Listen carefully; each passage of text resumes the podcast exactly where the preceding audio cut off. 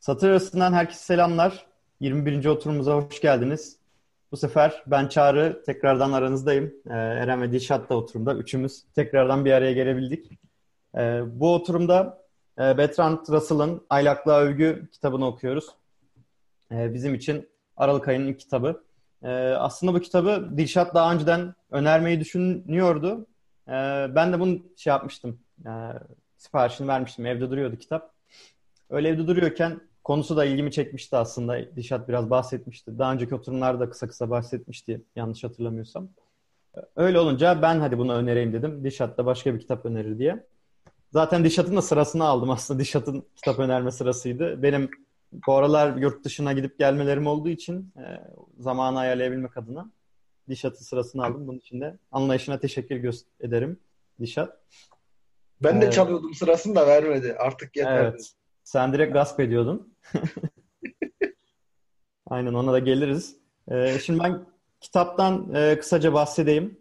E, Bertrand Russell e, 19. yüzyılın, 20. yüzyılın e, en büyük düşünürlerinden e, olarak kabul ediliyor. Bu kitapta da e, ilk başta aylaklığa övgü olmak üzere e, toplamda hemen bakıyorum 15 tane makaleden oluşan e, bir kitap, derleme aslında. Yani bunlar da deneme tarzı aslında makale dedim. Yani böyle deneme tarzı yazılar olan e, bir kitap. Genelde yazılar işte 1930'ların biraz öncesi, 1930'ların biraz sonrası. İşte tam bu ekonomik buhran zamanları e, ve şeyin de Avrupa'da işte faşizmin, e, onun dışında Doğu Avrupa'da sosyalizmin, komünizmin yükselişte olduğu, hani böyle savaş çanlarının çalındığı artık böyle İkinci Dünya Savaşı'nın e, bağırarak geldiği bir dönemde yazılmış. Zaten etkilerini de bayağı hissediyoruz kitapta. E, detaylarına gireriz. E, kitapta şimdi 15 tane yazı var. Hani 15'ine birden girmek belki çok mümkün olmayabilir. Ben o yüzden biraz daha serbest formatta e, gidelim diye öneriyorum. Hani size de uyarsa. E, mesela hani böyle gözümüze çarpan yerlerden falan başlayarak. Zaten aylaklığa övgü en çok hani kitabın e, adını dağıldığı için oradan bir giriş yapabiliriz bence. E, aylaklığa övgüdeki fikir aslında e, günümüzde de bence hala etkilerini hissettiren bir fikir. Yani kitaptaki birçok fikri ben aynı şekilde hissetmiyorum. Yani ben şu anki günümüzde işte böyle popülerleşen, e, daha böyle nasıl diyeyim daha liberal kesimlerde falan böyle özellikle kabul gören ya da işte onların ileriye sürdüğü fikirler arasında sık sık görüyorum. E, o açıdan enteresan oldu. Aylaklığa övgüdeki fikir genel olarak şu. E, sanayi devrimiyle birlikte insan emeğine olan ihtiyacın azalmasını hani doğru bir şekilde düşünceli bir şekilde tüm uluslar, tüm dünya doğru bir şekilde yönlendirebilirse aslında hani böyle 8 saat bile değil ki o zamanlar 8 saat böyle hani işçilerin bayağı uğraşarak kazandığı bir haktı. Önceden daha böyle 12-16 saat çalışıyorlardı. 8 saatlik e, iş gününün bile fazla olduğundan bahsediyor. Olacağından bahsediyor. Yani bir 4 saatlik çalışmayla eğer herkes çalışırsa çalışmaya yeteneği olan ve hani bu yönde eğitilerek hazırlanılırsa bu tüm insanlar 4 saatlik çalışmayla e, tüm dünyanın gayet böyle açlık falan çekmeden hani çok böyle aşırı bir e, rahatlık sıkıntısı çekmeden e, hani yaşayabileceğinden bahsediyor ve hani geriye kalan zamanda da daha böyle ince zevklere e, işte sanattır, kültürdür böyle şeylere e, vakit ayırabileceğinden bahsediyor. Tabii bunun içinde eğitimin çok önemli olduğundan bahsediyor. E, takip eden yazılarda da zaten bayağı bir yerde eğitime değiniyor birçok e, makalede iktisada değiniyor. Zaten hani sosyalizmi savunan bir e, kişi benim anladığım kadarıyla. Yani bu kitabı dışında bir yazılarını okumadım ama zaten kendisi aktivist bir insanmış. E, şu kitabın arkasında yazdığından gördüğüm kadarıyla. Tüm dünyada dolaşmış birçok ülkeyle ilgili gözlemlerini aktarmış. Özellikle Amerika, işte Rusya, Avrupa ile ilgili yazdıkları e, bayağı böyle hani halen bile günümüzde böyle e, hissedebildiğimiz şeyler, e, tespitler hala bir kısmı hala geçerliliğini koruyan tespitler. Bir kısmı da kendi olmasını dilediği şeylerin de böyle bazı ülkelerin benimsediğini görmüş olmak da enteresan bir şey oldu. Yani gerçekten vizyoner bir insan olduğunu hissettirdi bana. Ben böyle bir e, kısa giriş yapayım. E, sonra Dişat, Eren sizden böyle kısa yorumlar alayım. Oradan devam edelim isterseniz. Ben giriş yapabilirim. Hı hı. Öncelikle ben bu oturuma katılmayacaktım aslında. Yani bir mola almak istemiştim. Fakat yükseklerden bir karar geldi. katılacaksın dendi. İyi dedim ben de katılayım madem. Yani tabii grup içinden değil. Gruptan izin almıştım ben katılmayacağım beyler diye. Başka bir yerden kitap hakkında neler söyleyeceğimi merak edildiğini gördüm. İyi dedim ben de katılayım. Şimdi katılmamamın, yani katılmak istemememin aslında birkaç sebebi var. Birincisi ben Bertrand Russell karakterini sevmiyorum. Gerçekten sevmiyorum yani. Sevme işimin sebebi kendisi ile ben İktidar isimli kitabıyla tanışmıştım. Böyle de bir kitabı var. İlelebet evet. iktidar mı? Yok iktidar. Sadece ha, iktidar. iktidar. Sadece. Ha, okey. Ee, iktidar kitabı Bertrand Russell'ın ben öyle bir kitap yazacağım ki işte tüm dünya yani tüm dünya olmasa insanlar bunu kullanacak. Yönetimin el kitabı, yönetim manueli yazıyor yani kendince. İşte kapanıyor. Zengin birisi zaten, e, tanınmış birisi. Bu kitabı yazıyor. Yani kitap evet bir ses yankı uyandırıyor ama tahmin ettiğinin süksenin yani yanına bile yaklaşamıyor. Onun hayalindeki işte Karl Marx'ın yazdığı gibi Das Kapital gibi bir eser yazmak istiyor ya da işte Mein Kampf gibi, Kavgam gibi bir eser çıkarmak istiyor ama başarılı olamıyor iktidarla. Ben onu okumuştum. Sonra işte e, başka bir kitabını okumadım. Yalan yok. Çünkü tarzını beğenmedim. Tarzını beğenmedim derken de şundan bahsediyorum. Sürekli kendiyle çelişki halindedir Bertrand Russell. Şöyle, mesela bu kitapta bahsediyor. Diyor ki ben diyor komünist değilim, kapitalist, faşist de değilim diyor kendi şeyiyle. Ama ondan sonra sürekli bir komünizm güzellemesi yapıyor. Yani sosyalizm güzellemesi yapıyor güya ama aslında komünizm güzellemesi yapıyor. Bunda mesela kitabın ilerleyen bölümlerindeki Rus gençlerini övme, komünist Çin gençlerini övme ama Batı gençlerini aşağılama gibi şeylerini de görebilirsiniz. Ama yani oraya da ufak bir araya girmek istiyorum. Mesela sosyalizmle komünizm biraz şöyle ayırıyor kendisi benim gördüğüm kadarıyla. Hani sosyalizm e, de şey var tamam devlet e, devlet tüm iktisadi faaliyetin merkezi planlayıcısı durumda. Ama demokrasi de olmasını istiyor. Yani kendisinin gördüğü ideal sosyalizmde. Ama komünizm biraz daha bir sınıfın bir yönetimi ele geçirmesi. Yani işçi sınıfının yönetimde olması. Hani böyle olduğu zaman daha böyle işçi sınıfın çıkarlarına, belli bir grubun hatta daha doğrusu çıkarlarına yönelir gibi şeyleri vardı. Hani o kadar da değil sanki ya. Yani orada bir ayrım çizmiş gibi geldi bana. Yani e, bilmiyorum bana böyle kendi şeyi içinde kayboluyormuş gibi geliyor Bertrand Russell. Yani tabii Nobel'li bir adam dünyanın bildiği bir filozof falan böyle yekten ben gömünce komik görünüyor olabilir ama benim yaklaşımımla kendisinin yaklaşımı arasında hem bazı yerlerde çok aşırı paralellikler görüyorum. Bazı yerlerde çok büyük açmazlar görüyorum. O yüzden yani genel olarak e, Bertrand Russell'la ilgili bunu söylemek istedim. Tabii çok güzel tespitleri yok mu? Var. Ama bu tespitlerin içinde çok böyle kendisiyle çeliştiği, kaybolduğu ya da kardeşim gerçek bu siz kim köpeksiniz tadında yazdığı yerler var. Onlar benim aslında e, hoşuma gitmeyen beni rahatsız eden Evet, yerler. böyle biraz ders kitabı gibi yazdığı yerler yani, Ve yani o zamandan bugüne öngördüğü çok güzel konular var. Doğru ama çuvalladığı yerler de çok. Ya da öngöremediği yerler de çok. Hani e, mesela yeni fikir akımlarının bu kadar çıkıp türeyeceğini öngörememiş. Faşizmle komünizm arasında sıkışıp kalmış. Hmm. Bir seçim yapacaksa insan ikisinden birini seçmek durumunda gibi. Ya da işte sosyalizmi kendi ekliyor. Üç tane. Başka yok. Şimdi az önce işte ben konuşurken onu söyledim. Ee, Şimdi mesela liberalizm diye bir şey var. Neoliberalizm var. Şu anda neoliberalizm konuşuluyor. Yani bu kadar insan çeşitlendirdi kendisini. Biraz sıkışıp kalmış gibi geliyor. Tabii kötü mü? Hayır değil ama bana göre değil aslında. Onu söylemek istedim. Şimdilik genel olarak söyleyeceğim bu kadar. Eyvallah. Teşekkürler. Dişat senin nasıl genel olarak ilk yazı ve kitaba genel olarak bakışın nasıl? Valla e, önce yine şeklen başlayacağım ben. Şimdi Telegram grubunda gömeceğimi söylemiştim. Evet. Bir baş, bekliyorum ne diyecek diye. Hadi bakalım. Şimdi bu kitabın biraz önce Çağrı göstermişti. Çağrı kitabını tekrar gösterirsen çok sevineceğim. Tabii şöyle. Bu kitap Cem yayın evinden çıkmış. Şu an Çağrı'nın elinde olan gayet yeni baskısı ve gayet güzel gördüğünüz gibi. Ee, evet. Benim yani beni rahatsız etmedi. Yani senin olduğu gibi. Şimdi size muhtemelen basılmış en kötü kitaplardan birini göstereceğim. Yani hani kitap kapağı tasarımı anlamında. Yani öncelikle şu kapak e, rengine dikkatinizi çekmek istiyorum. Şu mor belirsiz ya da eflatun tarzı rengi. Laylon mu? evet parlıyor bir de. Sonrasında yazı puntolarını ve yazı renklerine dikkatinizi çekmek istiyorum. Bersin Tras. küçük, aa, küçük harfle yazmışlar ya adam işte. Evet. Yani utanmasalar herhalde komik sansla falan yazacaklarmış. Olarak onu seçeceklermiş.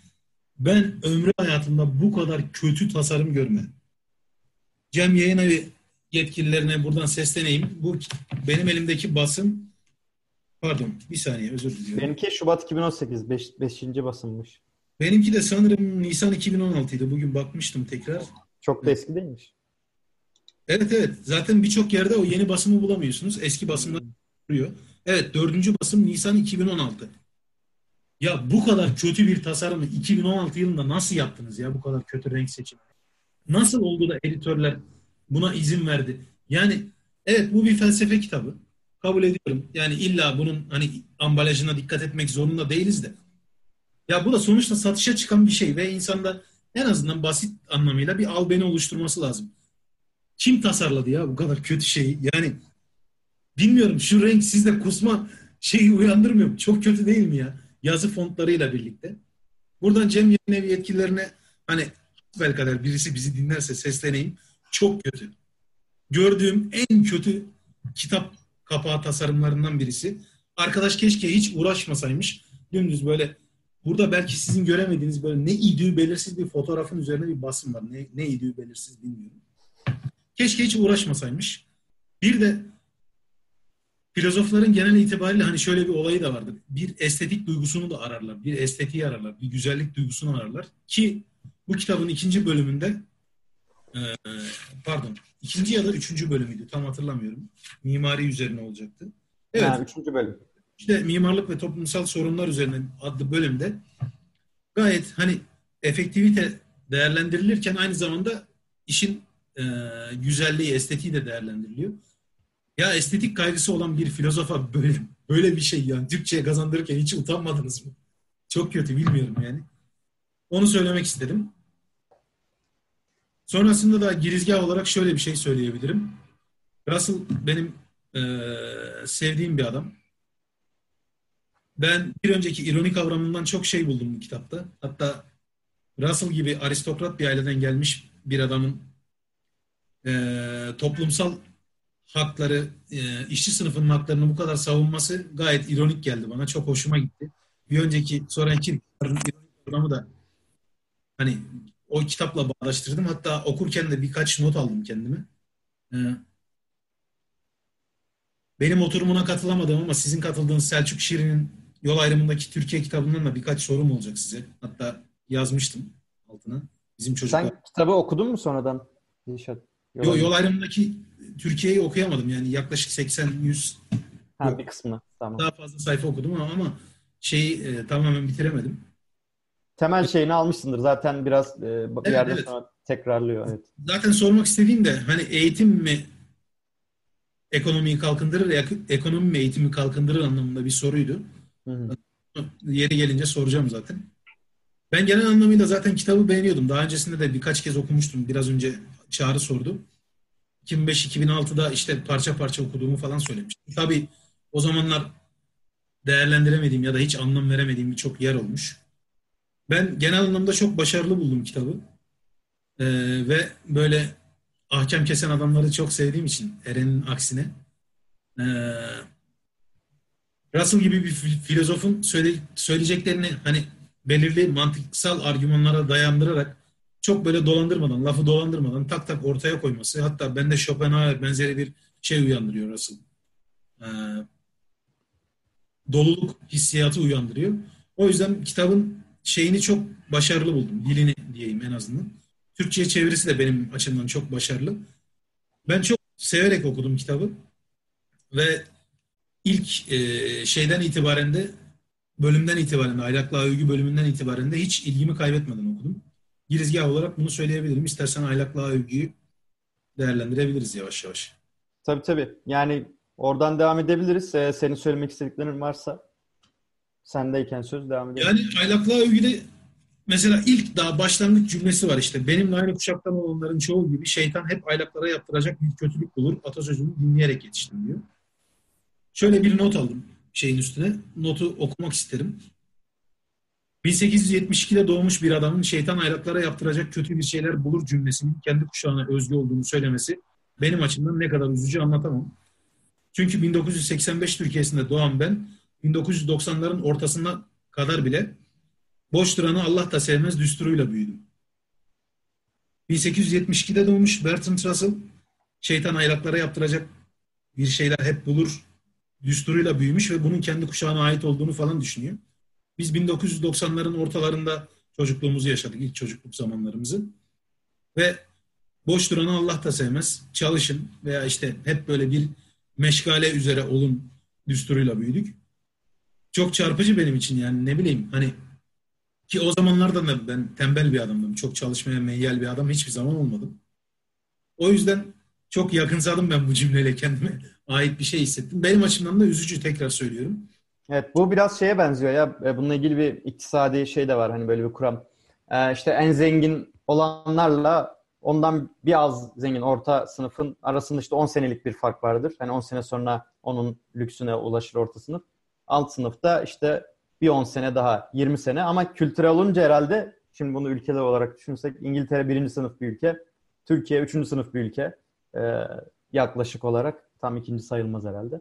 Ee, arada herhalde bu sefer 100 yıl oluyor yani. Çünkü şey kültür çok daha yavaş ilerleyen bir şey olduğu için bilmiyorum belki de 500 yıl var yani hani.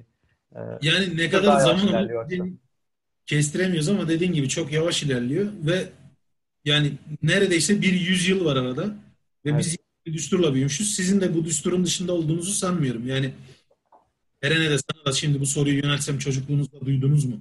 Boş duranı Allah da sevmez oğlum.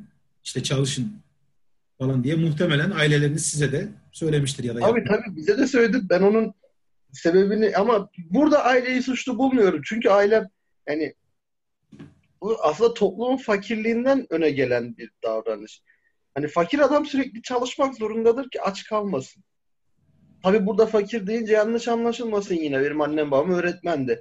Ama o zamanlar öğretmenler de iyi bir hayat yaşamıyordu ki hala da çok çok, çok iyi bir hayat yaşamıyor. Öğretmenler de fakirdi yani. E, dolayısıyla anne baba da çocuğun fakir olmasın diye oğlum çalış işte kızım çalış ki bir şey olsun. Ama burada Russell'ın çok güzel... Burada şeyden bahsetmek istemedim ya bu arada. Ee, yine böldüm, baltaladım, özür diliyorum ama. Ee, bu yani oğlum çalış, kızım çalış derken bu derse çalıştırma ya da ne bileyim hani eğitim hayatına yönlendirme anlamında bir çalışma değil. Bize sürekli söylenen şey şuydu aslında. Hep bir meşgale üzere ol. Tabii yani, tabii.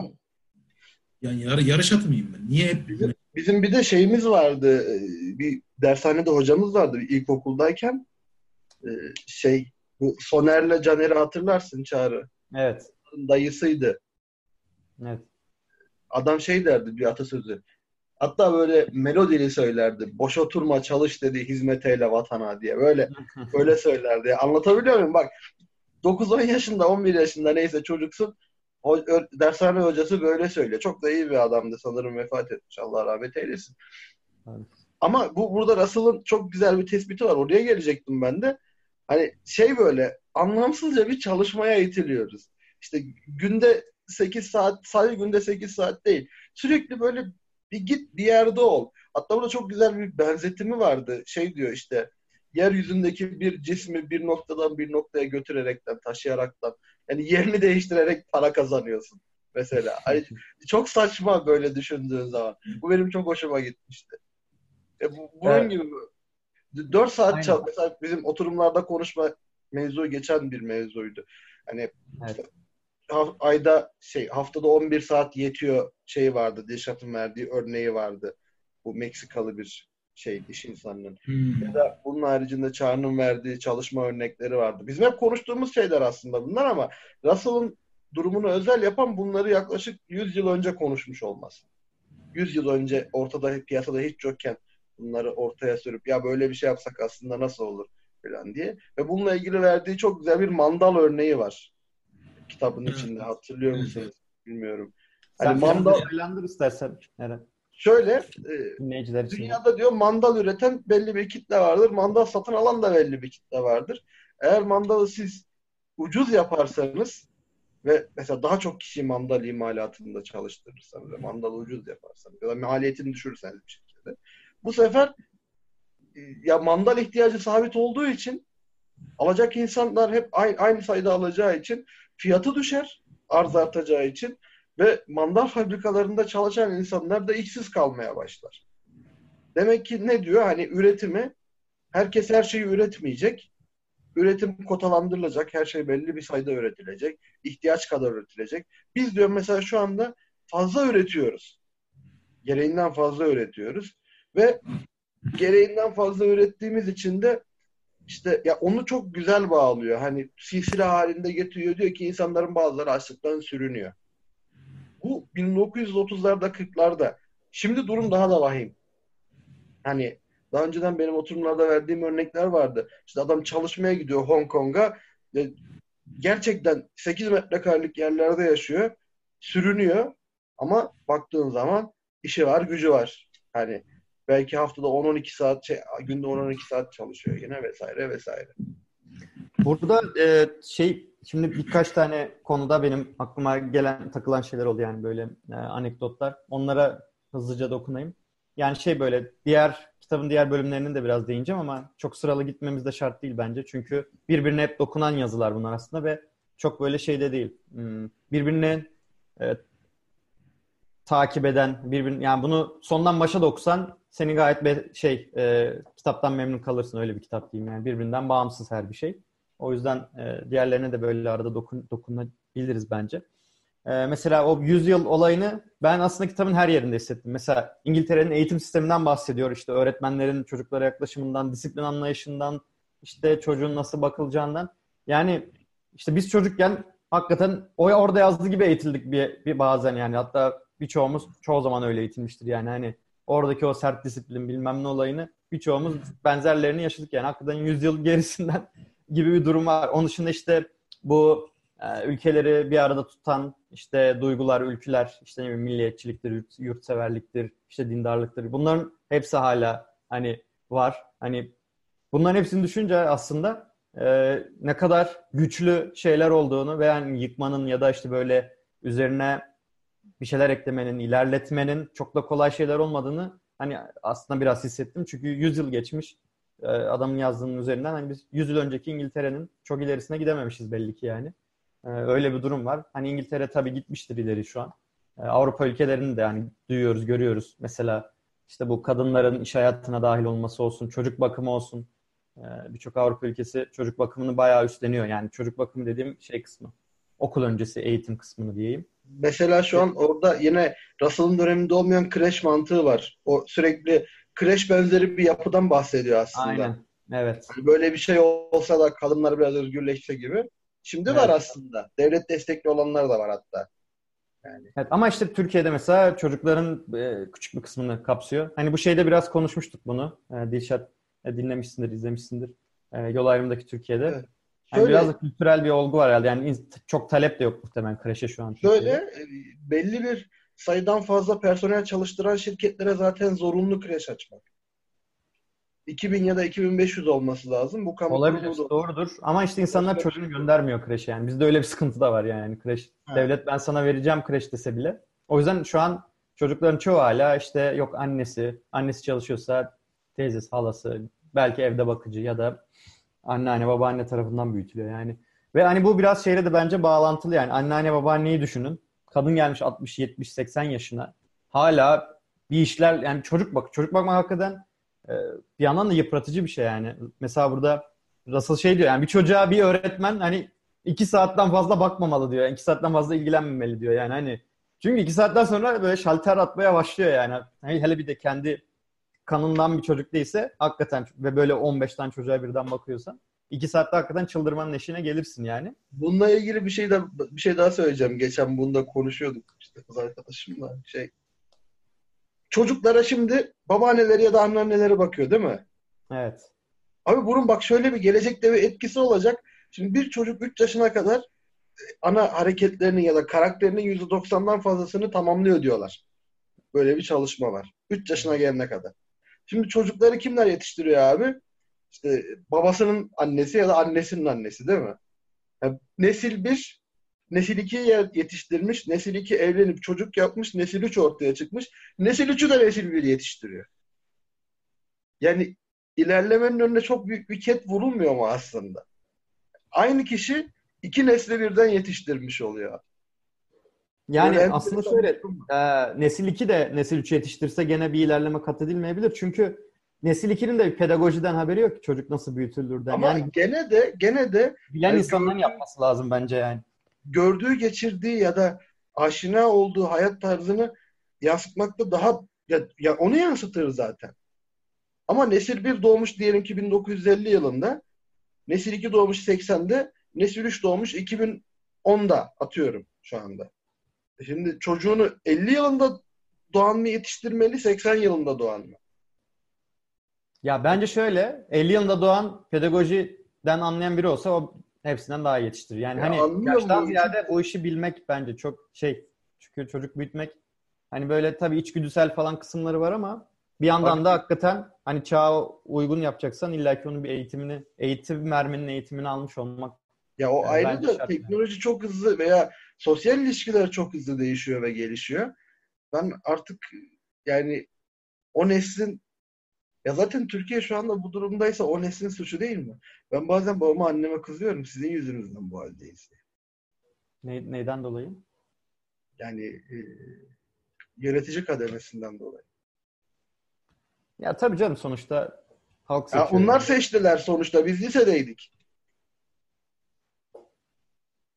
Öyle ya bir tabii ama tabii şimdi o konuyu çok dallandırıp budaklandırıyor. Tabii ama Bence... yani şey olarak ya o şimdi hareketi olarak söyledim ben bunu. Evet ama işte e, mesela o Dişat'ın bahsettiği iktisat işte ekonomi mi eğitimi hani besler eğitimi ekonomi mi? Hani orada e, eğitimde de zaten her zaman sıkıntımız vardı. Şimdi daha da sıkıntı olduğu için onu toparlamak için hakikaten daha böyle işte temelden girişilmesi gereken bir konu olduğunu düşünüyorum ben. E, öyle deyip buradan Aylak'la övgüyü bitirmeden birkaç Kitap. şey sormak istiyorum Mustafa. Tamam. Kitaba devam edelim. Aynen. Ee, Aylak'la övgü bölümünde benim en çok dikkat çekmek istediğim yer aslında şurası.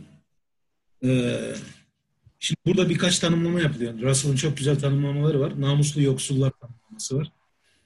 Aylak'la övgü namuslu yoksullara finansın ağababaları ya da devlet eliyle, silahlı kuvvetler sahibi olan devlet eliyle bir böyle şükür e, mantığının empoze edilmesinin hem yanlış hem de insanlık dışı olduğunu anlatmaya çalışıyor. Namuslu yoksullar dediğimde kimi kastettiğimizi biliyoruz işte hepimizin. Yani bizim ait olduğumuz sınıfın ana babaları vergisini ödeyen, vergi kaçırmaktan herhangi bir şekilde haberi olmayan, işte çoluğunu çocuğunu belirli bir çerçeve içerisinde yetiştirmeye çalışan insanlar tarafından hani devletin asıl böyle yükünün üzerine bindiği insanların tanımlaması bu namuslu yoksullar. Şimdi burada Russell'ın çok güzel söylediği şeyler ben ben sürekli söylüyorum bunları hani Telegram grubunda falan da yazıyorum.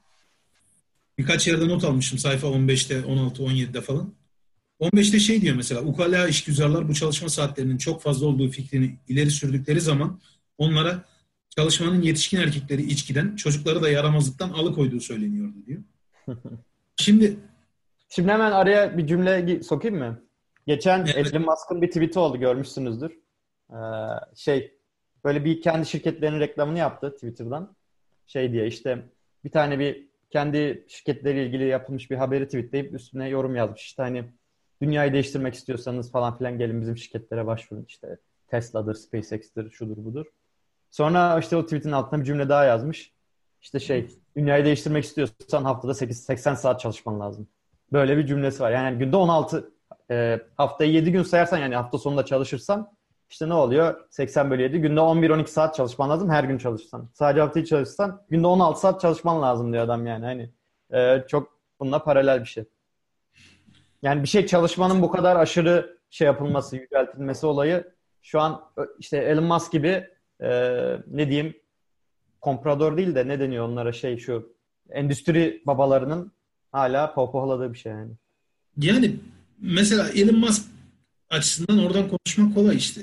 Yani bu adam bizim gark olduğumuz dertlerin hiçbirisine gark olmadığını biliyoruz. Yani Bir de her herkes Elon Musk gibi olsa dünya tam kaos olurdu. Herkes birbirini bıçaklardı. Adam boşanmış. Çocuklarını senede bir iki kez görüyor. Kardeşinin doğum gününe bile gitmemiş falan yani. Hani böyle bir tip olduğunu düşünsene herkesin.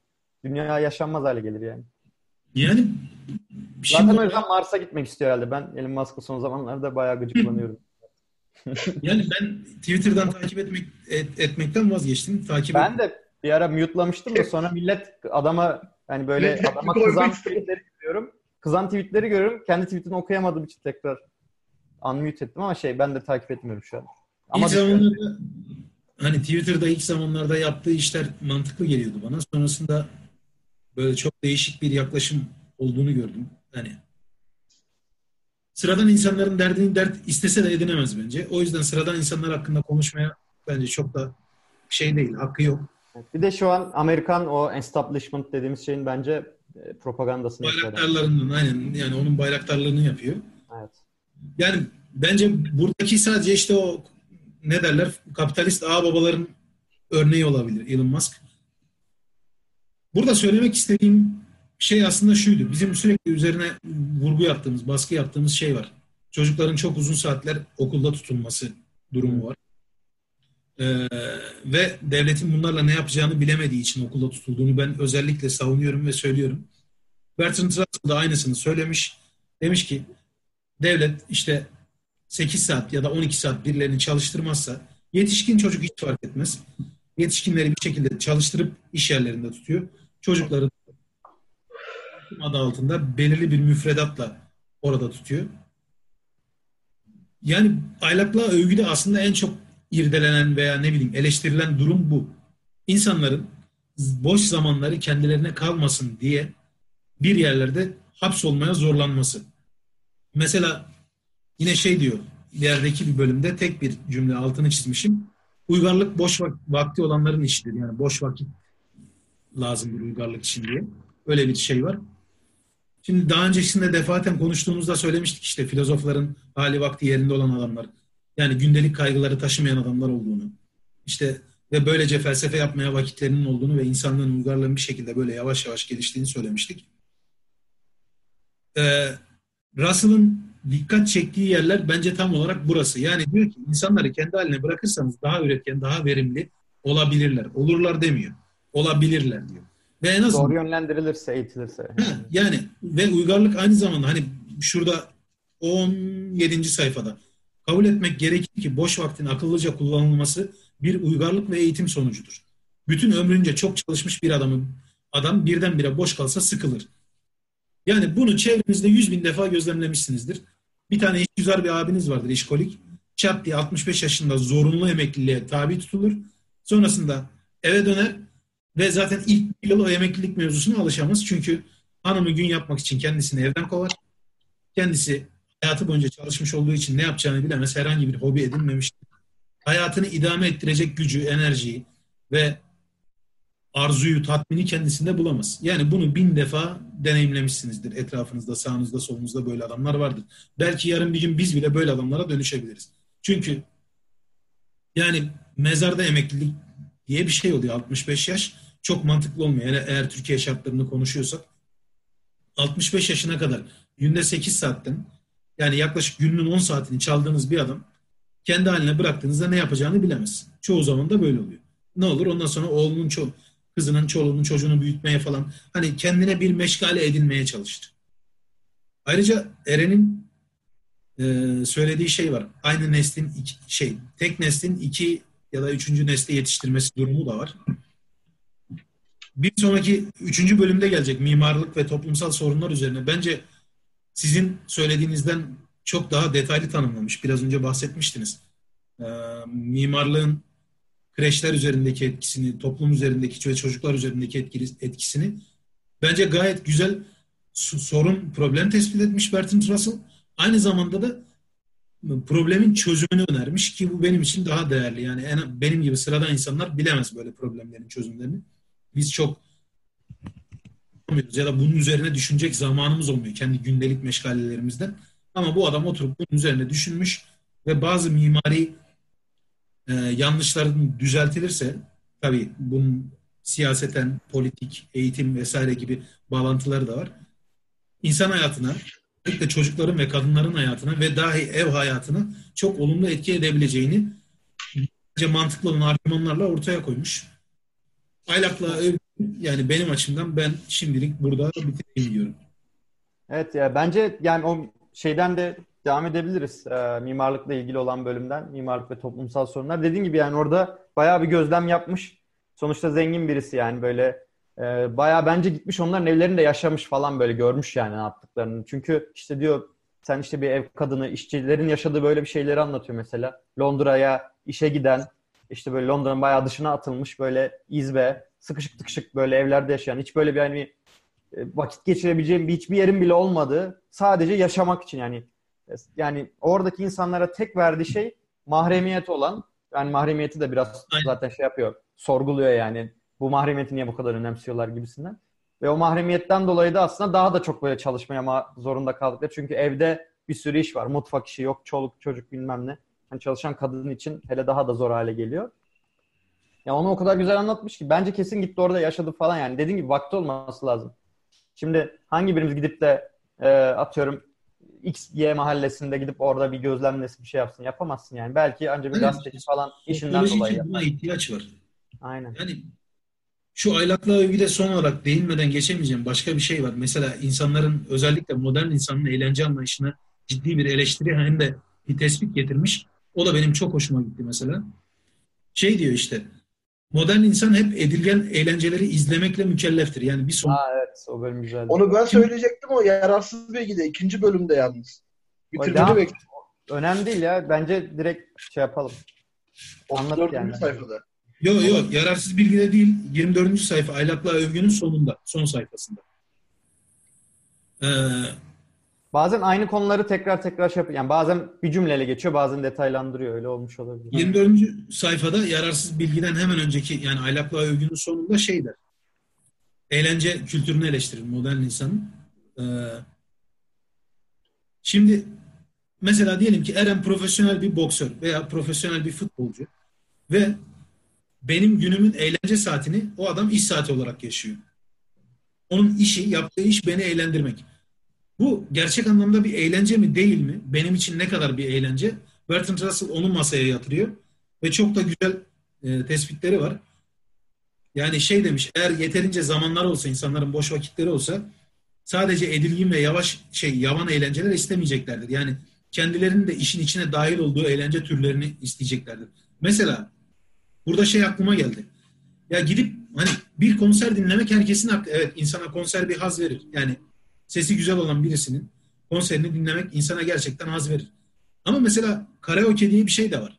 İşin içerisine direkt olarak senin dahil olabildiğin, gayet de eğlenceli olabilecek. Hele de işte birkaç e, duble yuvarladıktan sonra gayet böyle nasıl diyeyim e, ileriye böyle anı olarak kalabilecek anların yaşanacağı zamanlar olabilir. Şimdi Russell'ın burada e, üzerine böyle birkaç defa vurgu yaptığı şey birinin iş olarak yaptığını bildiği bir şeyden gerçek anlamda eğlenemeyebilirsiniz. Sizin için yavan bir eğlence olarak kalabilir ve onun iş olarak yaptığını bildiğiniz için sürekli beklentiyi yükseltiyorsunuz.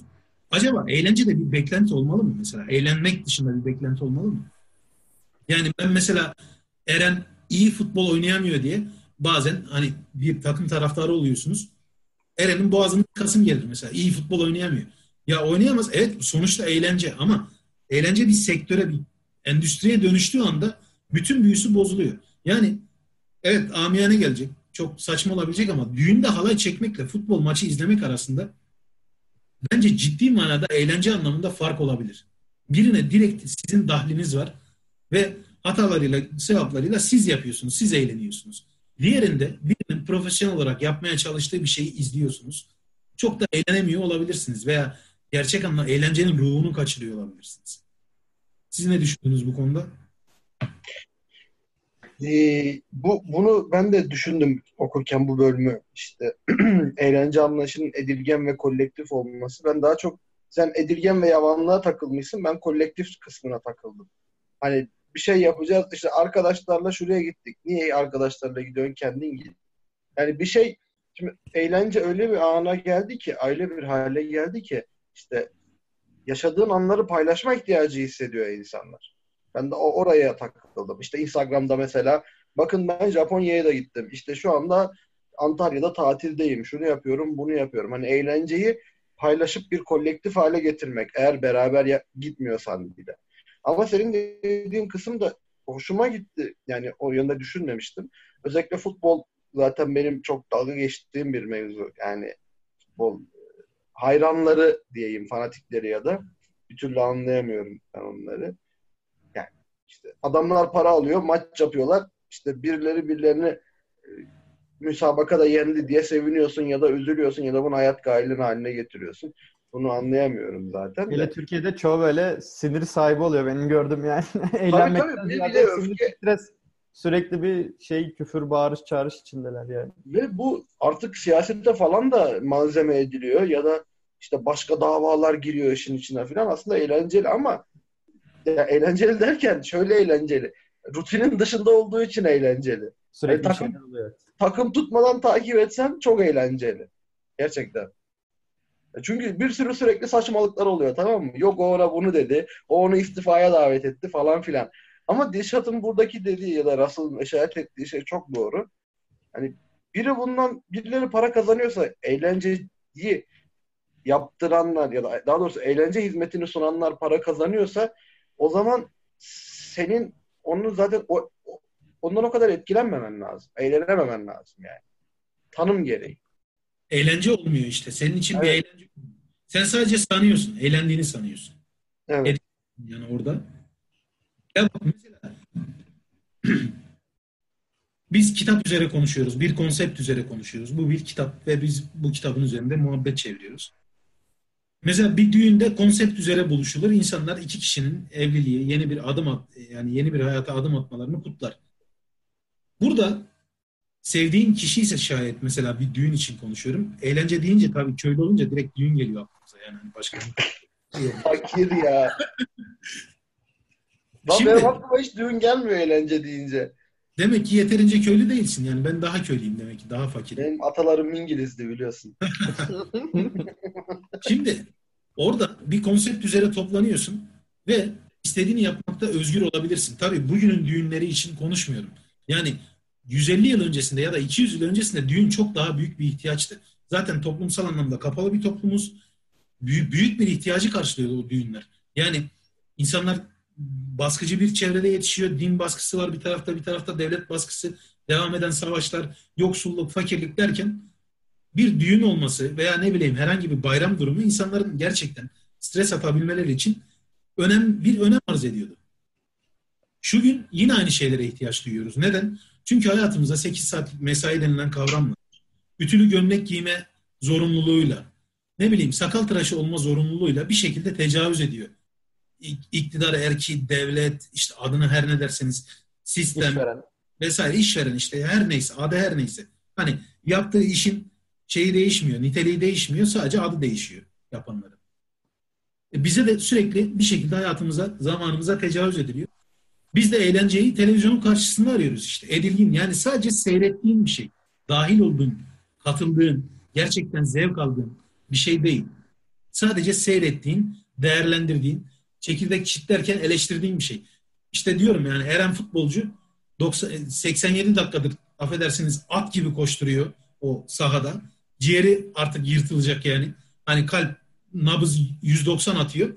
Ben buradan diyorum ya bu Eren de bu sene aldığı parayı hak etmedi çekirdeği atıyor. Yani çok yüzeysel işte. Hiçbir anlamı olmuyor. Sadece ve sadece kendinize yeni dertler ediniyorsunuz. Ya işte bu sene Galatasaray hangi transferi yaptı? Fenerbahçe ne yaptı? Bunlar yani Russell'ın burada işaret ettiği üzere aylaklığa övgüde bu daha arkadaki sayfalardan birisinde 22. sayfada şey diyor. Eğer daha çok boş vakitleri olsaydı şehirliler yine eskiden olduğu gibi bizzat kendilerinin etkin rol oynadıkları eğlencelerin tadını çıkarırlar. Mesela işte bizde hiç olmamış ama Russell için İngilizler için konuşursak atıyorum dansa gitmek. Hı. Hani bizde yok öyle şeyler de. Bu arada televizyonla ilgili televizyonla ilgili o önceki oturumda konuşmuştuk seninle ironi kavramında. Bunu tekrar etmekte bence fayda var. Televizyon kitleleri biraz da şeye yönlendiriyor. Aman nasıl olsa dedik desek de bir şey değişmiyor. Eleştirse de bir şey değişmiyor çünkü televizyon karşısında ona alışmış ya. Ya da bizi dinleyenler, izleyenler YouTube karşısında bunu hissedecekler. Lan bu Eren de denyo denyo konuşuyor ama aman yani hani dinliyorum ben zaten. Bununla mı uğraşacağım? İnsan içindeki değiştirme, bir şeyleri değiştirme isteğini ya da aktivizmi de öldürüyor. Tek yönlü iletişim. Çünkü sürekli seyircisin. Evet. Sürekli. O yüzden mesela biz belki de bundan bıkıp belki e, kendimiz konuşmaya başladık. Belki de yani o işte Aristofanes'in bir önceki bölümde konuşmuştuk. Çağrı Aristofanes adlı bir oyun yazarının ironik Bu kavramı arada şeyi bitiremedim kusura bakmayın yani yurt dışına gittiğim için e, bir de böyle işte uykusuzluk falan yorgunluk bitireceğim yani dinleyeceğim izleyeceğim sizi de. Eyvallah. Ben de aynısını e, Diğer bölümleri diğer olmadığım bölümleri dinledim de şeyi henüz Ben dinlemedim. tüm bölümleri dinledim. Buradaki, zaten en, vardın. duyarlı insan- buradaki en duyarlı insan benim. E, Takdiri e, dinleyenlere bırakıyorum. Dinlemeyin. Siz de gelin konuşun. Kaç defa söyledik yeter abi. Tabii evet gelseler daha güzel.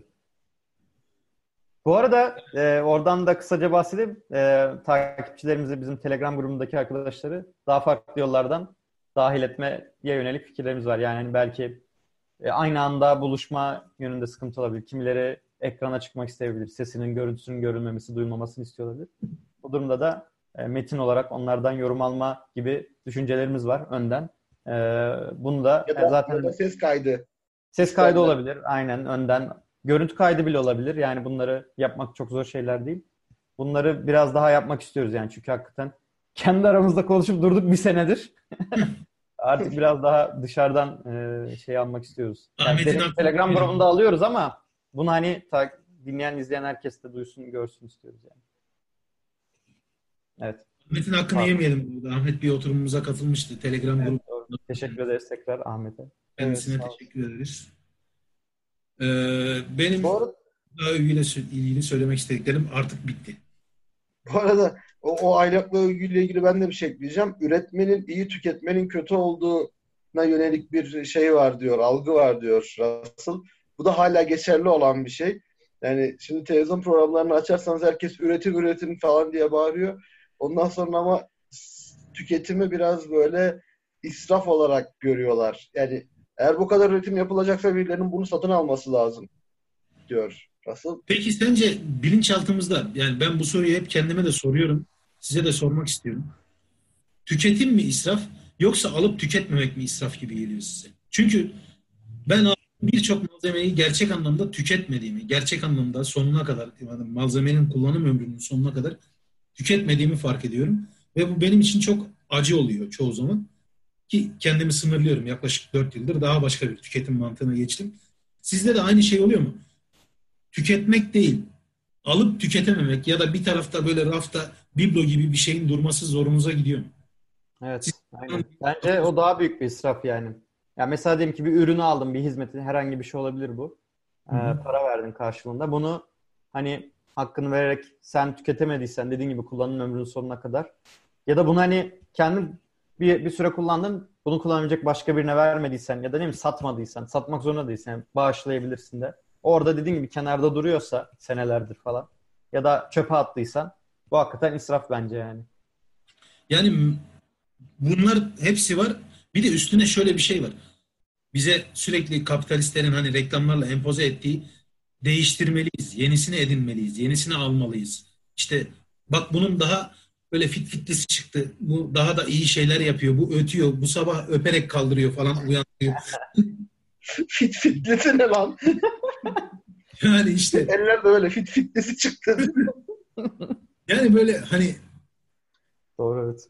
ihtiyacın olmayan şeyleri sana sanki ihtiyacınmış gibi pazarlıyor. O adam için büyük bir pazarlama başarısı bu ama senin için böyle hiçbir değeri yok aslında. Atıyorum bir önceki modelle bir sonraki modelin arasındaki o belirgin fark senin çok da bir işine yaramıyor. Ama gidip aynı geri zekalılıkla parayı verip onu alıyorsun ya da talep ediyorsun almayı. Veya benim olsun falan diyorsun. Bir öncekinden sıkılıyorsun. Onu atmak için bahane arıyorsun. Ya da onu kırmak için. Geçenlerde bir yerde okumuştum. Hatta belki burada konuştuk bile. Ben, sen mi söylemiştin Çağrı? Şu telefonların kullanım ömrünün dolmasına yakın yani yeni iPhone modeli çıkmasına yakın eski iPhone kullanıcılarının telefonlarının kırılmasında bir artış gözlemleniyormuş. Ha, yok ben söylememiştim ama Bilmiyorum. evet enteresan bir Enteresan bilgiymiş. Bilinçaltından mı kırıyorlar acaba? Ha, yani insan kırmaya daha meyyal oluyor onu böyle. Lan kırılsın da yenisini alayım hesabı yani. Hani böyle tam Hemen çocuk- daha daha dikkatsiz kullanıyor falan. ha, kendine aslında cevaz vermenin bir yolunu bulmaya çalışıyor yani yenisini alabilmek için. Çünkü biliyor o, o ihtiyacı zaten karşılıyor kendi telefonu. Ama e, kendini bir şekilde ikna etmesi lazım. O suçluluk duygusunu e, yenmesi lazım. E ne yapayım? Hani kırıldı. E, kırılınca telefonum yok bir ihtiyaç gideyim yenisini alayım. Ya bu, bu beni böyle acayip şaşırtmıştı. Çok garip değil mi? Tam ye- eski, yeninin çıkmasına yakın eskilerdeki kırılmalarda artış gözlemlenmesi. Evet ya iPhone örneğinde farklı şeyler de var ya bence Hmm, sosyolojik dinamikler de var. Özellikle bunun böyle bir prestij şey haline gelmesi yani iPhone'un son modeli var bende. Hani bu hakikaten bir prestij meselesi haline gelebiliyor. Ee, yani bunları ben bizzat da çok gördüm yani hani insanlar böyle hani arkadaşınlar, arkadaşının arkadaşları hani böyle çok maddeci bir insan da değildir belki o kadar çok değer vermiyordur ama işte abi ya telefonun işte şöyle odaklama özelliği var. Dur bak odaklayarak çekeyim seni. Hani bu bunu çok yaşadım yani hakikaten oluyor yani. Telefonun en son çıkan diğerinden azıcık daha iyi özelliği her zaman böyle bir göze sokuluyor yani onu hissediyorsun. Ben Dilşat'ın dediği konuda şöyle yaşıyorum zaten. Yunus Emre'nin çok güzel bir söz var, sözü var. İki şey senindir. Bir yediğin bir de giydiğin. Gerisi senin değildir der. Ben böyle yaşıyorum. Yani iyi, iyi biçiyorum diyebiliriz güzelce. Kıyafet konusunda biraz harcamam var. Mesela ben bunu hep gururla söylerim. Benim telefonum Samsung Galaxy Note 3 dediğimiz. 5 Bayağı yıl. bir zamandır sen onu kullanıyorsun değil mi? 5 yıl. Yani 5 yıla yaklaştı. 4 4,5'tan fazla yıl oldu. Ee, bozulana kadar da kullanmaya devam edeceğim. Öyle bir şeyim var. Sözüm var kendime. Telefonda öyle. Bilgisayarda da keza öyle. Yani e, tüketim konusunda ben biraz daha şeyim. İyiyim herhalde. Tabii iyiyim derken başka kötü yönlerim var ama en azından Neler tükettiğini biliyorum. Şimdi seni burada insanların karşısında rencide etmek istemiyorum. O yüzden bir şey söylemeyeceğim. Benim tüketimdeki birinci kalemim belli yani şimdi. İyi biçiyorum dedim daha ne diyeyim hani. Yok işin bu gırgır tarafı bir tarafa da yani çok çok müsrif adamlar olmadığımızı biliyorum. Ben sadece aslında bunun fikri bir hani Evet evet. Ama Tartışma. dediğim ya işte ben de ona takıldım zaten. Zaten bizim esas problemimiz çok fazla üretim yapılmaz. Yani dünyada mesela bu kadar telefona gerek var mı? Bu kadar bilgisayara gerek var mı? Şu an herhalde muhtemelen çalışan telefon sayısı toplam insan sayısı. Daha fazla. Yani çok daha fazladır büyük ihtimalle. Evet. Yani ama yeni modeli çıktı. İşte senin dediğin gibi fit fitlisi çıktı diyor. O zaman bundan da üreteyim 100 milyon tane. Ve üretiyor ve bunu durduran bir şey yok. Anlatabiliyor muyum? Bir de hayat da seni ona zorluyor ya. Ben mesela bir ara iki telefonum vardı. Birisi iş telefonuydu. Heh. Mesela. Hayat da seni zorluyor tük- aşırı tüketmeye. İşte iş, iş bilgisayarım var. Kendi evimde bilgisayarım var. İş telefonum var. O var, bu var. İşte yani araban var, şuyum var, buyum var. Anladın mı ya? Seni hakikaten hayat buna itiyor. Sürekli itiyor yani. sanırım bu dünyada bu konuya istisnai davranan tek millet Japonlar. Yani çok Evet. ciddi- Japon ekonomisi resesyondan durağından duranlıktan muzdarip. Adamlar yani bir şey aldıkları zaman hakkını vererek kullanıyorlar. Ben burayla ilgili çok garip bir örnek vereceğim. Yani muhtemelen siz duyunca güleceksiniz beni tanıdığınız için ama ben böyle bazen kasaplara giderim. Kasaplarda böyle bilenmekten, e, taş görmekten böyle incelmiş, küçücük böyle kalmış bıçaklar olur. Bayılıyorum ya ona. Adam o bıçağı inat etmiş, hani kullanım ömrünün sonuna kadar kullanmış. Çok hoşuma gidiyor öyle şeyler. Yani hakkını vermiş. O bıçağı böyle ölene kadar kullanmış. Yani bu bende böyle bir şey hissiyatı yaratıyor. Ben bu adam buna para vermiş. Evet bundan da maksimum var yani faydayı görmüş. Bu bir eşya için bence e, bir sonraki bölümün adı yararsız bilgi bu arada. Faydacılık bence eşyalar için kesinlikle güdülmeli. Yani eşyada marjinal hani en yüksek alabildiğin faydayı almalısın. Ve onun sonuna kadar, kullanım ömrünün sonuna kadar eğer kullanabiliyorsan çok büyük bir e, handikapı yoksa kullanmalısın. Bu benim çok hoşuma giden bir şey mesela kasaplarda falan bıçakları görmek. Şimdi ikinci bölüme geçtin ya biraz. Ben doğrudan devam edeyim madem. Tabii edelim. Şey hoşuma gitti benim. Egemen kültürün Latince ve Yunanca olduğu durumlarda egemen dilin Latince Yunanca olması ve günümüz işte kendi gününde ve Russell'ın yaşadığı günde Latince ve Yunanca çocukları öğretmenin hiçbir anlamının olmamasından bahsediyor. Şimdi de aslında bununla ilgili buna benzer bir şey yaşıyoruz. Yani ben diyelim ki lisedeyken bana neden Sırp Sındığı Savaşı'nı anlatıyordun? Yani bir anlamı var mı Sırp Sındığı Savaşı'nı benim öğrenmemin? 1339 tarihi ben hala hatırlıyorum.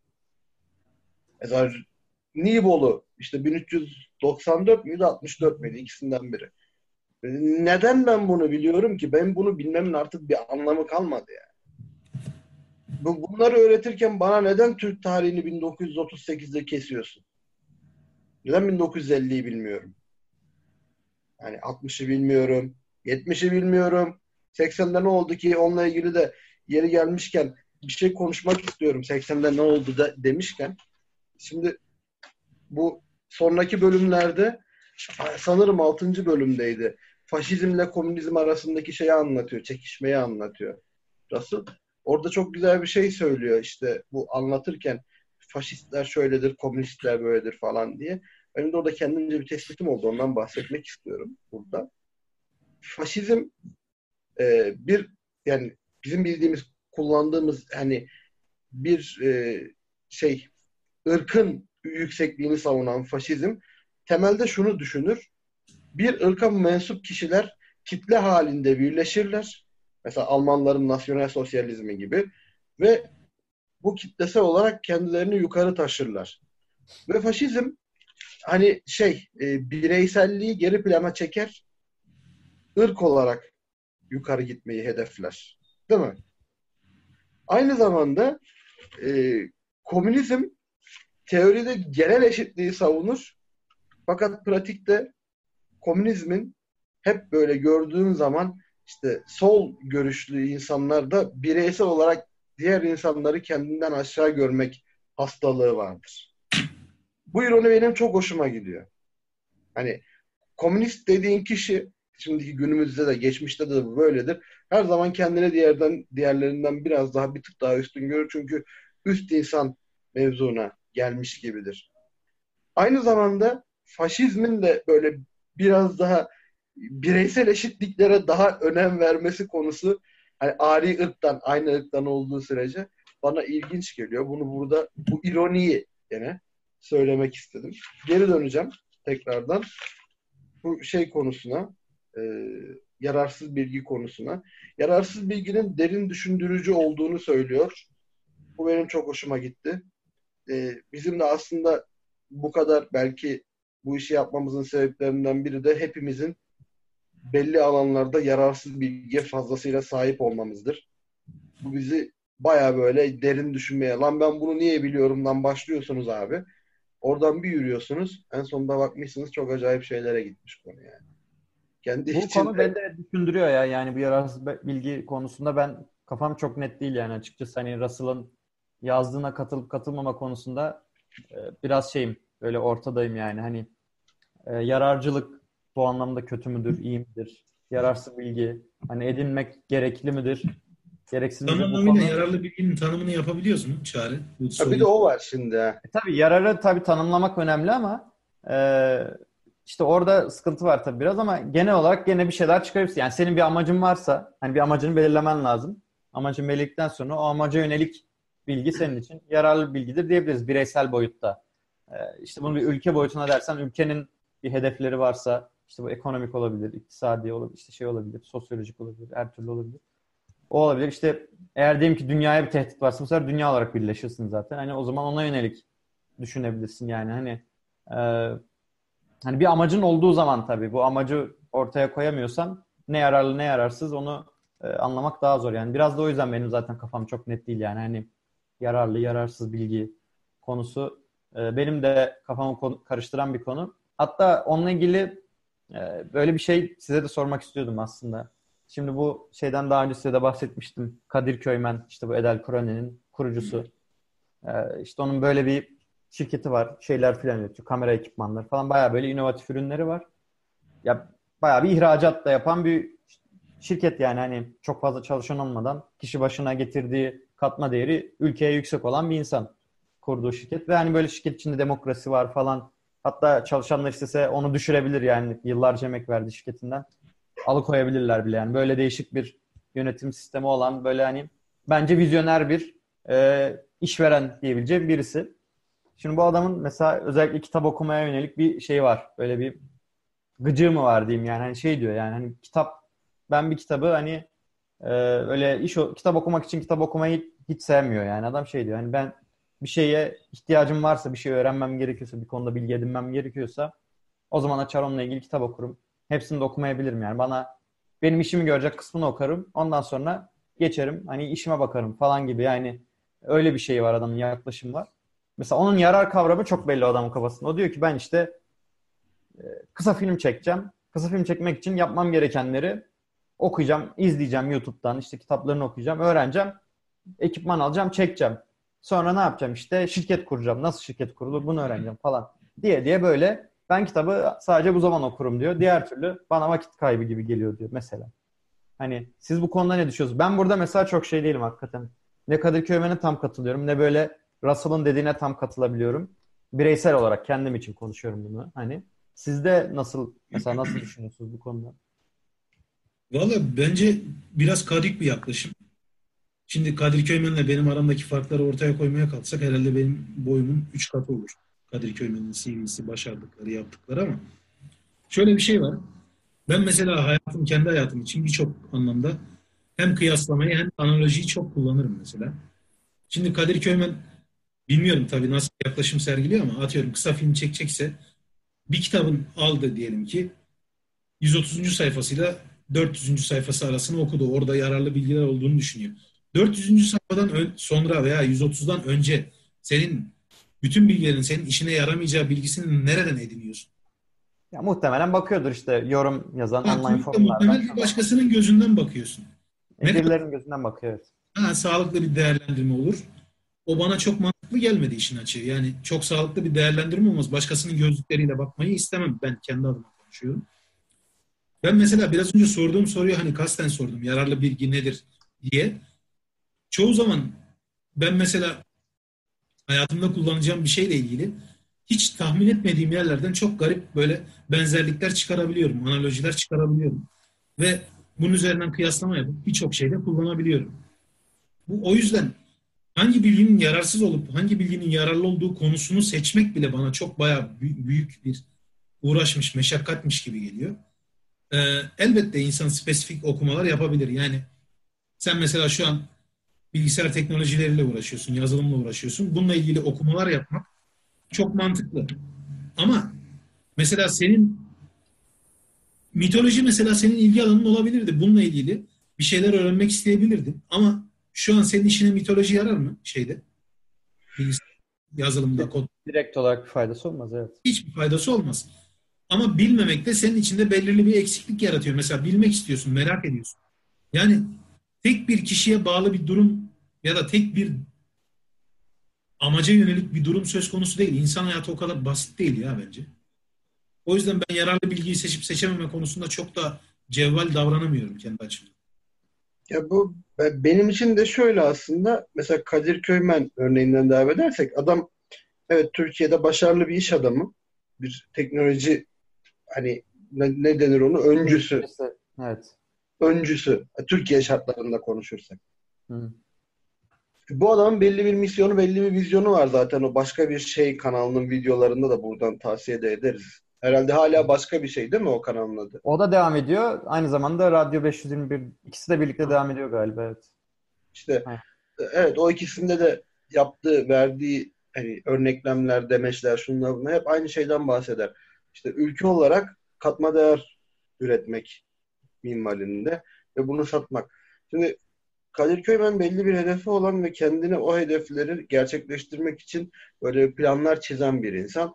Ve bunlar doğrultusunda hayatını bir iş programı dahilinde yürüten birisi. Değil mi? Aşağı yukarı. Esnemeler evet. olabilir. Fakat e, şöyle mesela bende durum böyle değil. Dişat'ta da bu durum böyle değil. Sen de biraz farklı. Sen de biraz araftasın aslında. Aynen yani, arada benim. hani kariyerine mi yoğunlaşacaksın? işte başka bir şeye mi yoğunlaşacaksın? Yani mesela ben şunu biliyorum. Dişat'ın kariyer zerre miskal kadar umurunda değil. Benim de değil. Hani bugün bizim işe gitmemizin tek sebebi orada bize para veriyor olmaları. Hani bak nasıl kafa sallıyor orada. Yani Dolayısıyla... gerçeği yatsıyamam mı? Ha, şimdi... Zaten büyük çalışanların büyük oranda böyledir yani tahminimce. Evet. Ama mesela bende hiçbir aidiyet hissi yok. Yani, Dişat'ta da yok biliyorum. o yüzden zaten. Şimdi şöyle bu aidiyetin olmaması ve dolayısıyla biz oradaki sadece yegane amacımız statükoyu korumak. Statükoyu koruyoruz iş yerimizde. Ayın belli bir gününde maaşımız yatıyor. Hayatımıza devam ediyoruz. Hayatımıza devam ederken aslında bizim yaptığımız şu. 8-5 e, arasını satıyoruz ki işte kalan zamanlarda rahat yaşayıp istediklerimizi yapabilelim. Dolayısıyla bu da bizim mesela faydasız bilgi ya da faydalı bilgi. Bana göre her bilgi faydalı. Ben mesela bu kalemin nasıl üretildiğine dair bir belgesel izledim. Hoşuma gitti. Mesela düştüğünde içindeki o grafitin kırılabildiğini mesela şu anda düşürürseniz. Kalemi açarken oradan pıt diye çıkabileceğini falan filan. Bunu bilmek bana ne kazandırıyor? Hiçbir şey. Şurada anlattığım zaman biri etkilenip vay bu adam ne kadar bilgili mi dedi. Hayır. Ama bunu bilmek hoşuma gidiyor. Sadece hoşuma gidiyor. Ve düşüncelerimde, sistematikte bunun gireceği mutlaka bir yer oluyor. Ya da belki dünyada yarın post apokaliptik bir düzen olursa belki bu bilgi de işime yarayabilir diye düşünüyorum. Evet. Şimdi e, kitaptan ben şöyle küçük bir alıntı almışım. Onu okuyayım. Aslında bence bu biraz benim sorumu da yanıtlıyor. Şimdi tekrar okuyunca aslında e, ben de kendime biraz cevap bulmuş gibi hissettim. 32. sayfada yazıyor bu cümle. Dar görüşlü yararcı eğitim kavramı bir insanın yetenekleri kadar amaçlarını da eğitmek zorunluluğunu bulunduğunu gözden kaçırır. Yani sen de mi aynısının altını çizmişsin? Evet. ben şeyden e, bilgisayardan okuyordum da görmedim gösterdiğini. Evet yani tam bu cümle aslında amaç. Amacı bir oturtabilsen ondan sonra yararcı olabilirsin belki de hakikaten. Diğer türlü ne yararlı ne yararsız onu bilmek çok zor. Yani hani diğer türlü şey oluyor. E, elimde çekiç var. Her problemim çivi zannediyorum. Hani durum oluyor. Ya, o, hele bunu millet ülke bazında yaptığı düşün. Nasyonel sosyalizm o işte. Adam hepsi kendini çekiç hissediyor yani. Her yere kap hepsine her çiviye kapatacağım modunda bir ülke haline gelirsen o zaman Mesela, böyle acayip sonuçlar ortaya çıkıyor yani.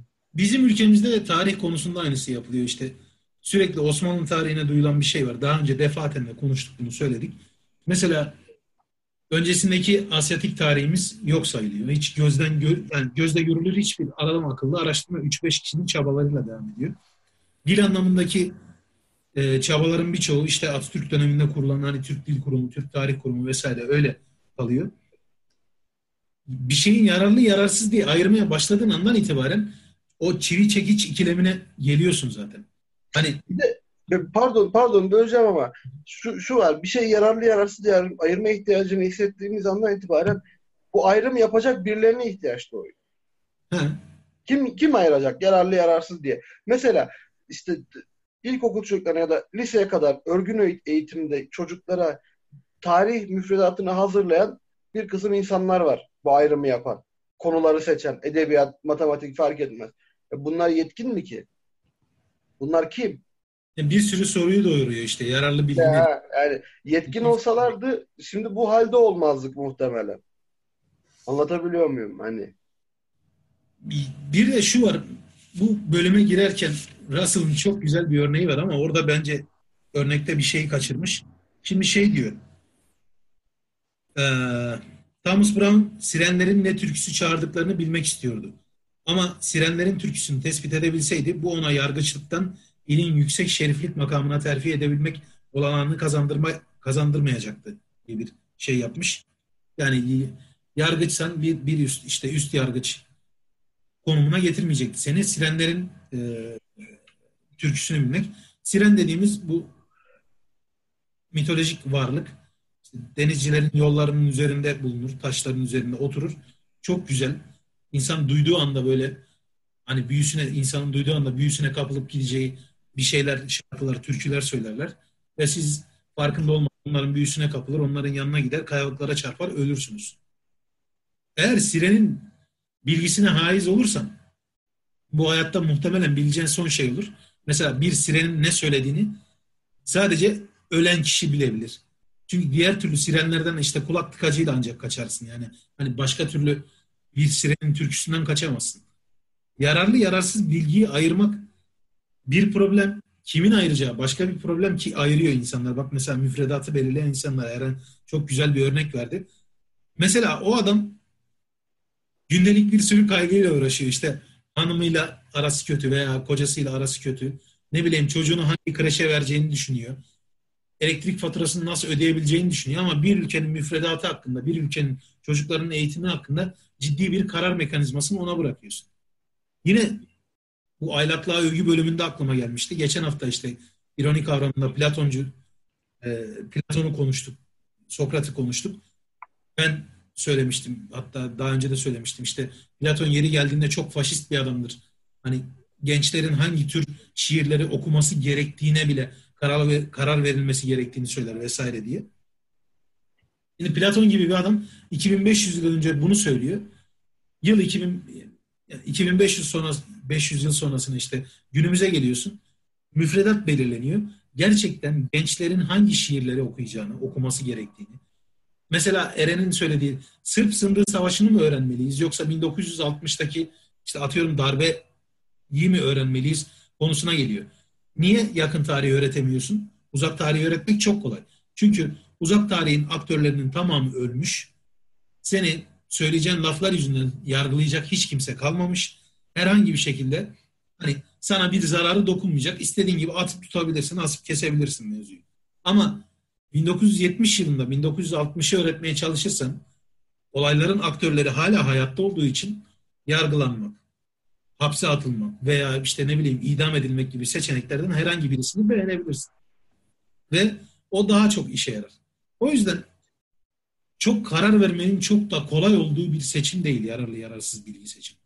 Mesela eğer bir yarar gözetilecekse hoca sırf sınırından ziyade 1960'ı öğretebilirsin 70 yılında veya 2018 yılında işte 2000 yılındaki 2001 yılındaki ekonomik krizin ya da 99 ekonomik krizinin sebeplerini çok açık bir şekilde ortaya koyabilirsin. Ama koyarsan başına neler gelir onu işte Evet.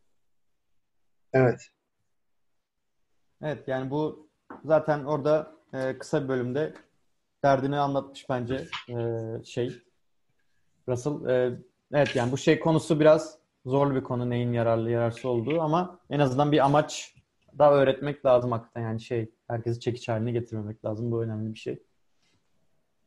Şimdi bir sonraki bölüm, üçüncü bölüm mimarlık ve toplumsal sorunlar. Ee, burada işte zaten biraz bahsettik yani hepimiz ufak ufak bahsettik orada e, Russell'ın anlattıklarından. E, yani Russell kapitalizmin oluşturduğu mimarlığa hakikaten böyle tiksintiyle bakıyor. E, ki orada resmettiği e, işte o İngiliz işçi sınıfının yaşantısı gerçekten rezalet durumda yani. Bir işçi sınıfının durumu var. Şu an muhtemelen daha çok daha iyi durumdalardır. Ama yine de e, Russell'ın o hayalindeki yere çok ulaşmış durumda değiliz. Ama bazı yönlerden devlet bazı konularda en azından kadının işte iktisadi hayata katılması, işte çocuk bakımının biraz daha devletin tarafından üstlenilmesi konusunda güzel gelişmeler var bence. Yani orada mesela hani hiçbir Avrupa ülkesi öyle bir sosyalizme falan dönmemesine rağmen şu an günümüzde yine de bu anlattıklarının e, bir kısmı gerçekleşmiş durumda. O benim hoşuma gitti yani hani şey olarak. Fikirler sonuçta birbirlerinden şeyler alıyorlar. E, Etkileniyor. Bazı, etkileniyorlar aynen yani hani şu an e, hiçbir Avrupa ülkesinin yöneticisine gitsek ne alakası var bizim sosyalizmle hiçbir alakamız yok diyebilir ama hani kendini böyle bir sosyalist ütopyacı diyeyim olarak belki nitelendirebilecek bir e, filozofun yazdıklarından bayağı bir e, şey gördüm ben yani günümüzde e, bunun birçok kısmını ya çünkü bayağı ama zaten hani böyle mantıklı düşündüğünde hani bir insanın itiraz edemeyeceği şeylerden bahsediyor aslında yani hani mesela nedir işte ev diyor mahremiyet kavramı oluşturuyor güya sana diyor ama Hani sen orada sıkış tıkış yaşıyorsun. Ortak böyle hani sosyalleşebileceğin bir alan tasarlanmamış. İşte herkes kendi çocuğuna bakıyor. Herkes kendi yemeğini pişiriyor. E, ve böyle olunca evde inanılmaz bir iş yükü oluyor kadına. E, oysa hani işte biraz daha komünel bir hayat olsa, yemeğini birlikte pişirsen, çocuğa birlikte baksan, hatta bunu işte pedagoji eğitimi almış insanlar yapabilse, devlet de bunu sağlasa bir şekilde çocuk bakımını. O zaman hayat özellikle kadınlar için çok çok daha iyi olurdu. Yani bu da dolaylı olarak erkeklerin de hani aile yaşantısını da çok daha iyi hale getirirdi diyor. Ee, ve hani orada bir kendince yani bir komünel yaşam mimarisi e, den bahsediyor. Benim bayağı hoşuma gitti yani bu bölümde bahsettikleri. E, tabii hani belki öyle bahsettiği gibi bir hayat olmayacak ama e, yine de o hayatın bazı ana fikirleri bence şu an e, özellikle gelişmiş ülkeler tarafından e, alınmış durumda olması güzel bir şey bence. Şu an arkeoloji eğitimi alıyorum. Arkeoloji eğitiminde işte mimari çok ciddi bir önem arz ediyor. Bildiğin, bildiğimiz ilk böyle Neolitik yani yerleşik hayata geçik avcı toplayıcı toplumlar basit böyle yuvarlak kulübelerle yaşamaya başlıyorlar. Taş temelli, yuvarlak, e, etrafı sazdan örülmüş e, yaşamaya başlıyorlar. Yerleşik bir hayata geçmişler ama avcı toplayıcılık tam olarak bitmemiş. Yani hani yarı göçer bir halde yaşıyorlar. Ki e, yaklaşık milattan önce 24 binden milattan önce 10 bin, 8 binlere kadar falan geçen süreden bahsediyorum. Ee, işte o kulübeler sürekli yenileniyor vesaire. Sazlar dökülüyor, bir şeyler oluyor. Şimdi orada şöyle bir şey açığa çıkıyor. Mimari üsluplar zaman içerisinde değişiyor. Yani öncesinde yuvarlak taş temelli yapılar, sonrasında dikdörtgen planlı, yani dikdörtgenli hücre planlı dediğimiz yapılar var. Bunların e, girişlerine dair kapı vesaire izi bulunmuyor. Yukarıdan girişleri olduğu düşünülüyor birçoğunun. Sonrasında tekrar yuvarlak planlı yapılara geçiş var. Aradan 2000 yıl sonra falan oluyor bunlar. O dikdörtgen planlı yapılarda ilk böyle mahalle kavramları, ilk böyle avlular, büyük avlular falan oluşuyor. Mesela hücre planlı yapı deniyor. Hücre planlı yapıyı ben ilk önce çok fazla anlamadım. Sonrasında anladım. Öncesinde daha komünel bir yaşam tarzı var. İnsanların birçok eylemi birlikte yaptığı bir yaşam tarzı var. İşte ortak ocak falan var. Yani tandır diye nitelendirebileceğimiz bir şey var. Ortak bir kullanılan ocak var. İçi kirle sıvanmış. Sonrasında bireyselliğe geçiliyor. Her hücre planlı yapıda bir ocak vesaire. Hani her ev için bir ateş yakma yeri, bir fırın. Sonrasında tekrar dönüş yapılıyor. Yani insanların mimari e, gelenekleri aslında yaşayışlarına direkt etki ediyor. Yaşayışları mimarilerine, mimarileri de yaşayışlarına etki ediyor. Russell'ın söylediği şey işte o İngiliz işçi blokları, banliyölerden bahsedişi beni mesela çok şey yaptı. Hmm, o taraflara yani o arkeolojik dönemlere çok götürdü. Şimdi kamusal alanlarda insanlar kendisi de söylüyor. Tapınak yapımında falan hani kamusal alanlarda insanlar büyüklüğü, heybeti vesaireyi çok severken o kamusal alanları inşa eden, o kamusal alanların kendisi için var olduğu sıradan insancıklar böyle küçücük affedersiniz tabiri caizse hani boktan yerlere mecbur bırakılıyor. E, bu adamlar yapıyor o kamusal alanları, o kadar büyük şaşalı binaları. Tanrı'yı bu adamlar onurlandırıyor veya devletin büyüklüğünü bu adamlar ortaya koyuyor. Ama aynı adamlara o küçücük işte 50 metrekarelik, 70 metrekarelik, 100 metrekarelik evler reva görülüyor. Yan yana bitişik nizam. Her birinin ayrı bir aslında hapis olduğu ki mesela şu an apartman blokları da bence aynı. Bildiğiniz hapis hayatına çok benziyor. Yani, Onunla ilgili bir araya ufak gireyim mi? O kamusal alan büyük şey, işte şöhret şey büyük görkemli binalar diyorsun ya. Mesela Berlin'deki şu an Alman meclisinde halk şeyi tepeden her zaman görebiliyor meclisi. Cam yapmışlar. Şeffaflık. Hani hani sen bizden büyüksün diyebiliyor yani sıradan insan. Bu bence mesela önemli bir mesaj. Geri döneriz zaten. Evet. Ee... Yine burada Russell'dan bir alıntıyla cevap vermek istiyorum bu dediğine bu arada.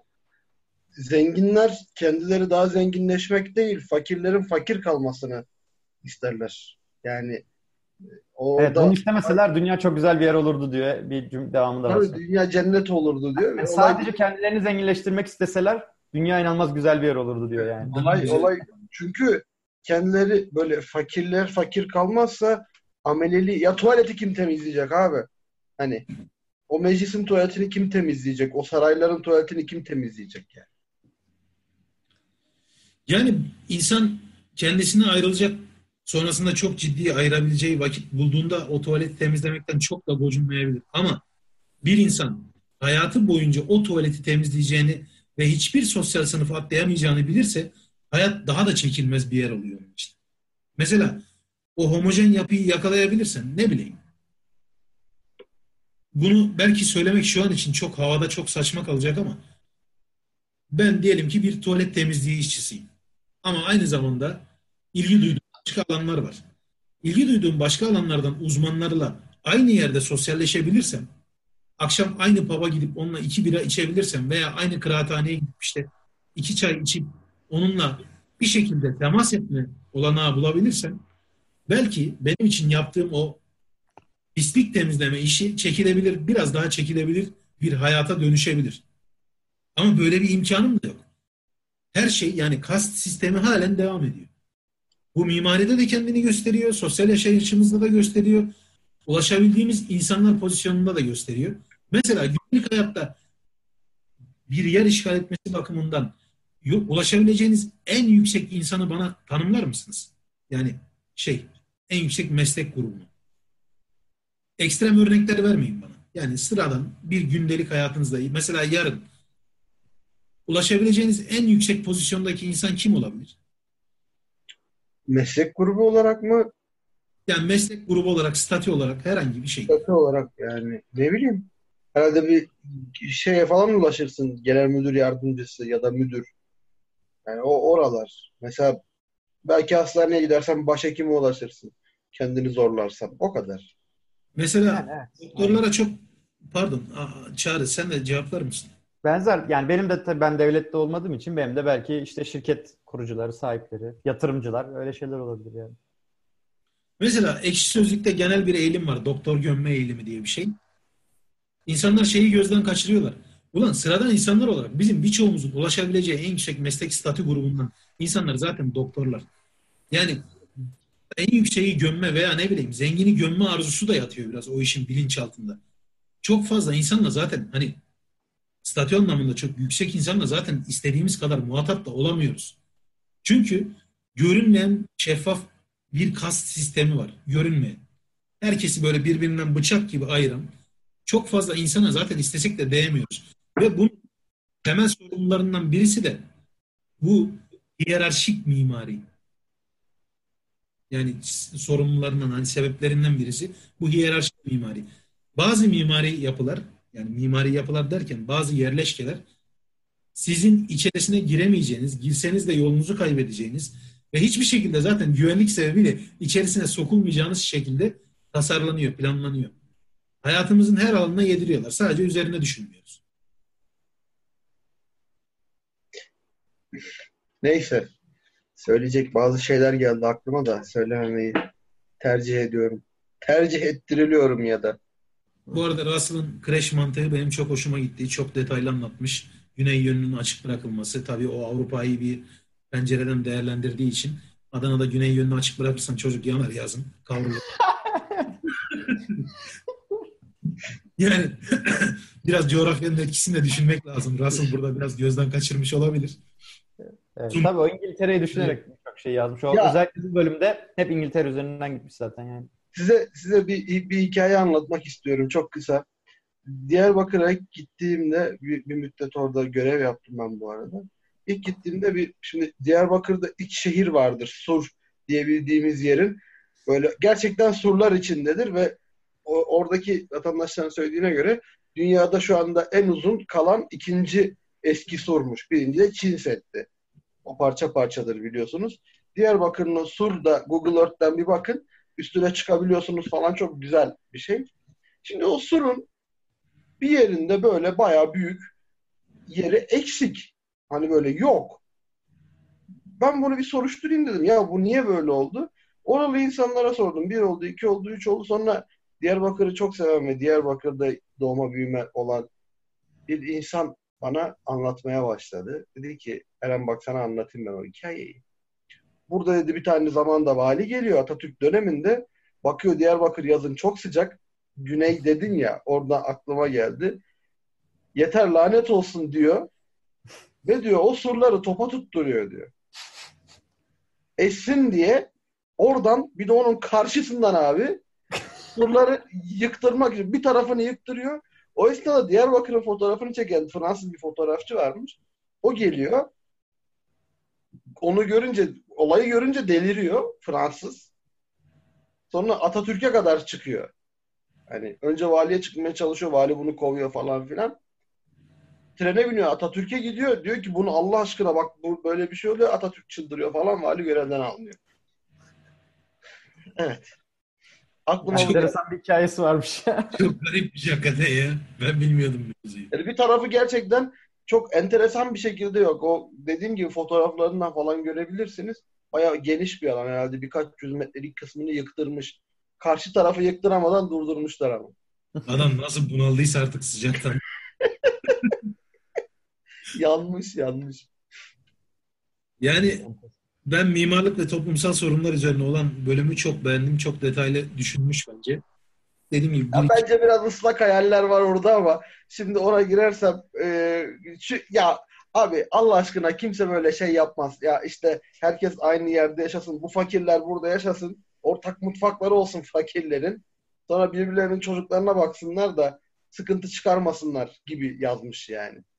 Bu- Ama Böyle işte düşünmedim ya. pedagoji eğitimi almış olanlar olsun falan filan gibi şeyler de diyor. ya o, o da işin böyle kendi işte aralarında paylaşsınlar demiyor da.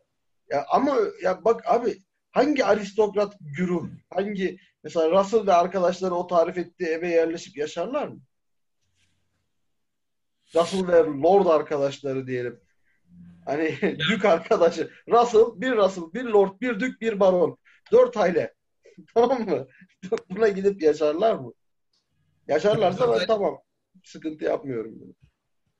Şimdi Ya birincisi bence ona öyle bakmamak lazım. Ya o orada dediği hani kendi içinde aslında yani şeyden de bahsediyor. Orada bence biraz şeye de iğneyi batırıyor yani. Hani orada işçi sınıfının da aslında kendi haklarını, kendi hayatlarını daha iyi hale getirebilecek durumları varken bunu çok talep edemediklerini ya da yapamadıklarından da bence biraz işte o mahremiyet şeyinin aşırı abartılması falan hani ondan daha değerli şeyler elde edilebilecek aynı imkanlar kullanılarak hani bence o açıdan e, önemli olduğunu düşünüyorum yani o söylediklerim. Tabii ki biraz tepeden bakma durumu olabilir.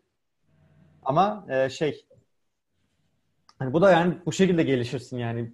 Bir, bir sonraki adıma böyle geçersin. Diğer türlü hep orada şey hayatı yaşarsın yani hakikaten zor zorlu sürekli böyle zorluk çekerek sürekli sinir stres yorgunluk altında bir hayat yaşarsın diğer türlü. yani Russell'ın söylediği o mimari çözümlerin birçoğu bence çok hoş. Aynı zamanda insan ve mülkiyet arasında, insanın çocuğuyla kurduğu mülkiyet bağı arasında ki mülksüzlerde de bunun üzerine epey konuşmuştuk. Şey diyor yani insanlar ne kadar şikayet ederlerse etsinler kendi evlerindeki o mülkiyet kavramını severler. Mahremiyeti de severler. Çünkü kendi evleridir. Mesela Eren'in biraz önce kendini tanımlaması da o yüzden hoştu. Mülkiyet işte yediğin ve giydiğin senindir falan diye böyle Yunus Emre'nin mantığı. O da oradaki iktidarı seviyor mesela onu tanımlıyor. Ee, Russell'ın söylediği de işte o evdeki iktidar arzusu. Yani erkek eve geliyor, karısı var, çocuğu var, kendinin karısı, kendinin çocuğu, kendinin evi, kendinin mülkiyeti. Öyle görüyor. Kadın ev idaresinden sorumlu olduğu için bu arada hep burada edilgen bir kadından bahsediyoruz. Kendi e, herhangi bir işte çalışmayan, evin hayatına e, direkt katkısı olmayan bir edilgen kadından, ev kadınından bahsediyoruz yani. İşte evi çekip çevirmesi.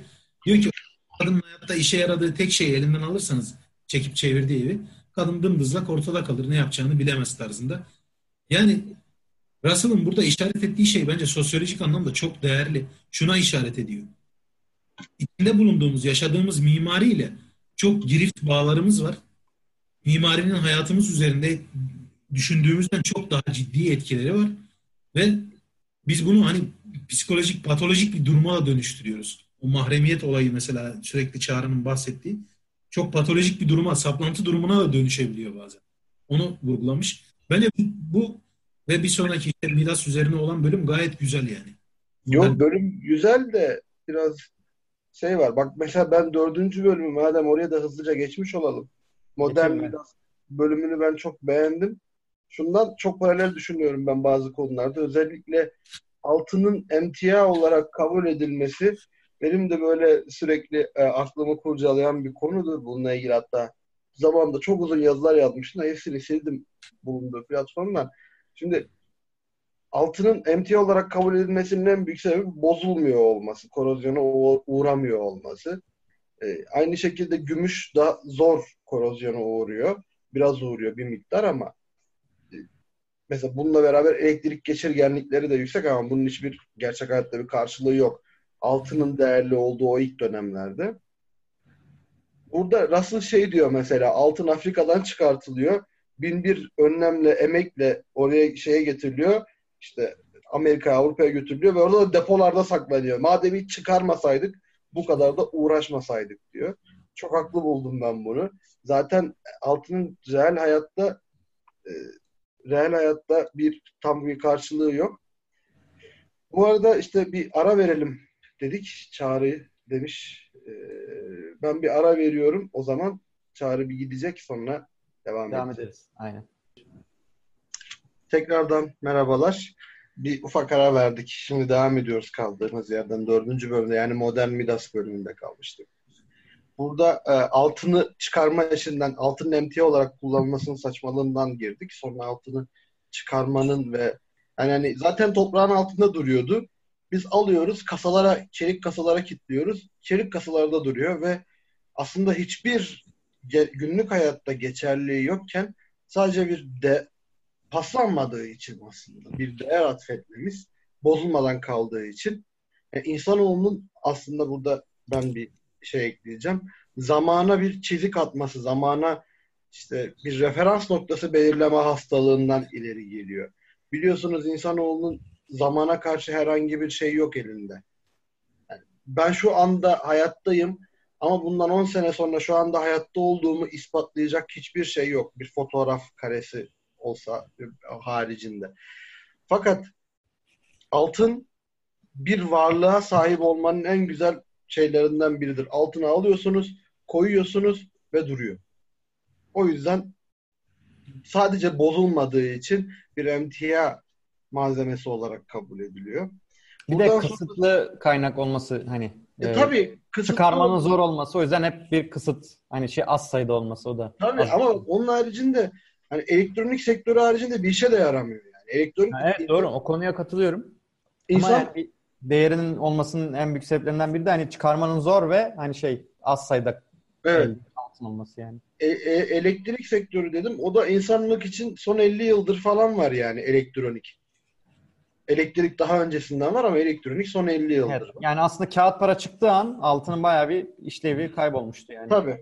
Şimdi buradan devam edeyim ben. Hükümetler borçlarını işlerine gelip gelirse öderler, gelmezse ödemezler gibi bir yaklaşımı var. O çok güzel bir yaklaşım. Aynı ben. En sevdiğim yaklaşım. Evet, evet. Ben de çok seviyorum. Siz bo- verdiğiniz borçlar için böyle durum geçerli sanki.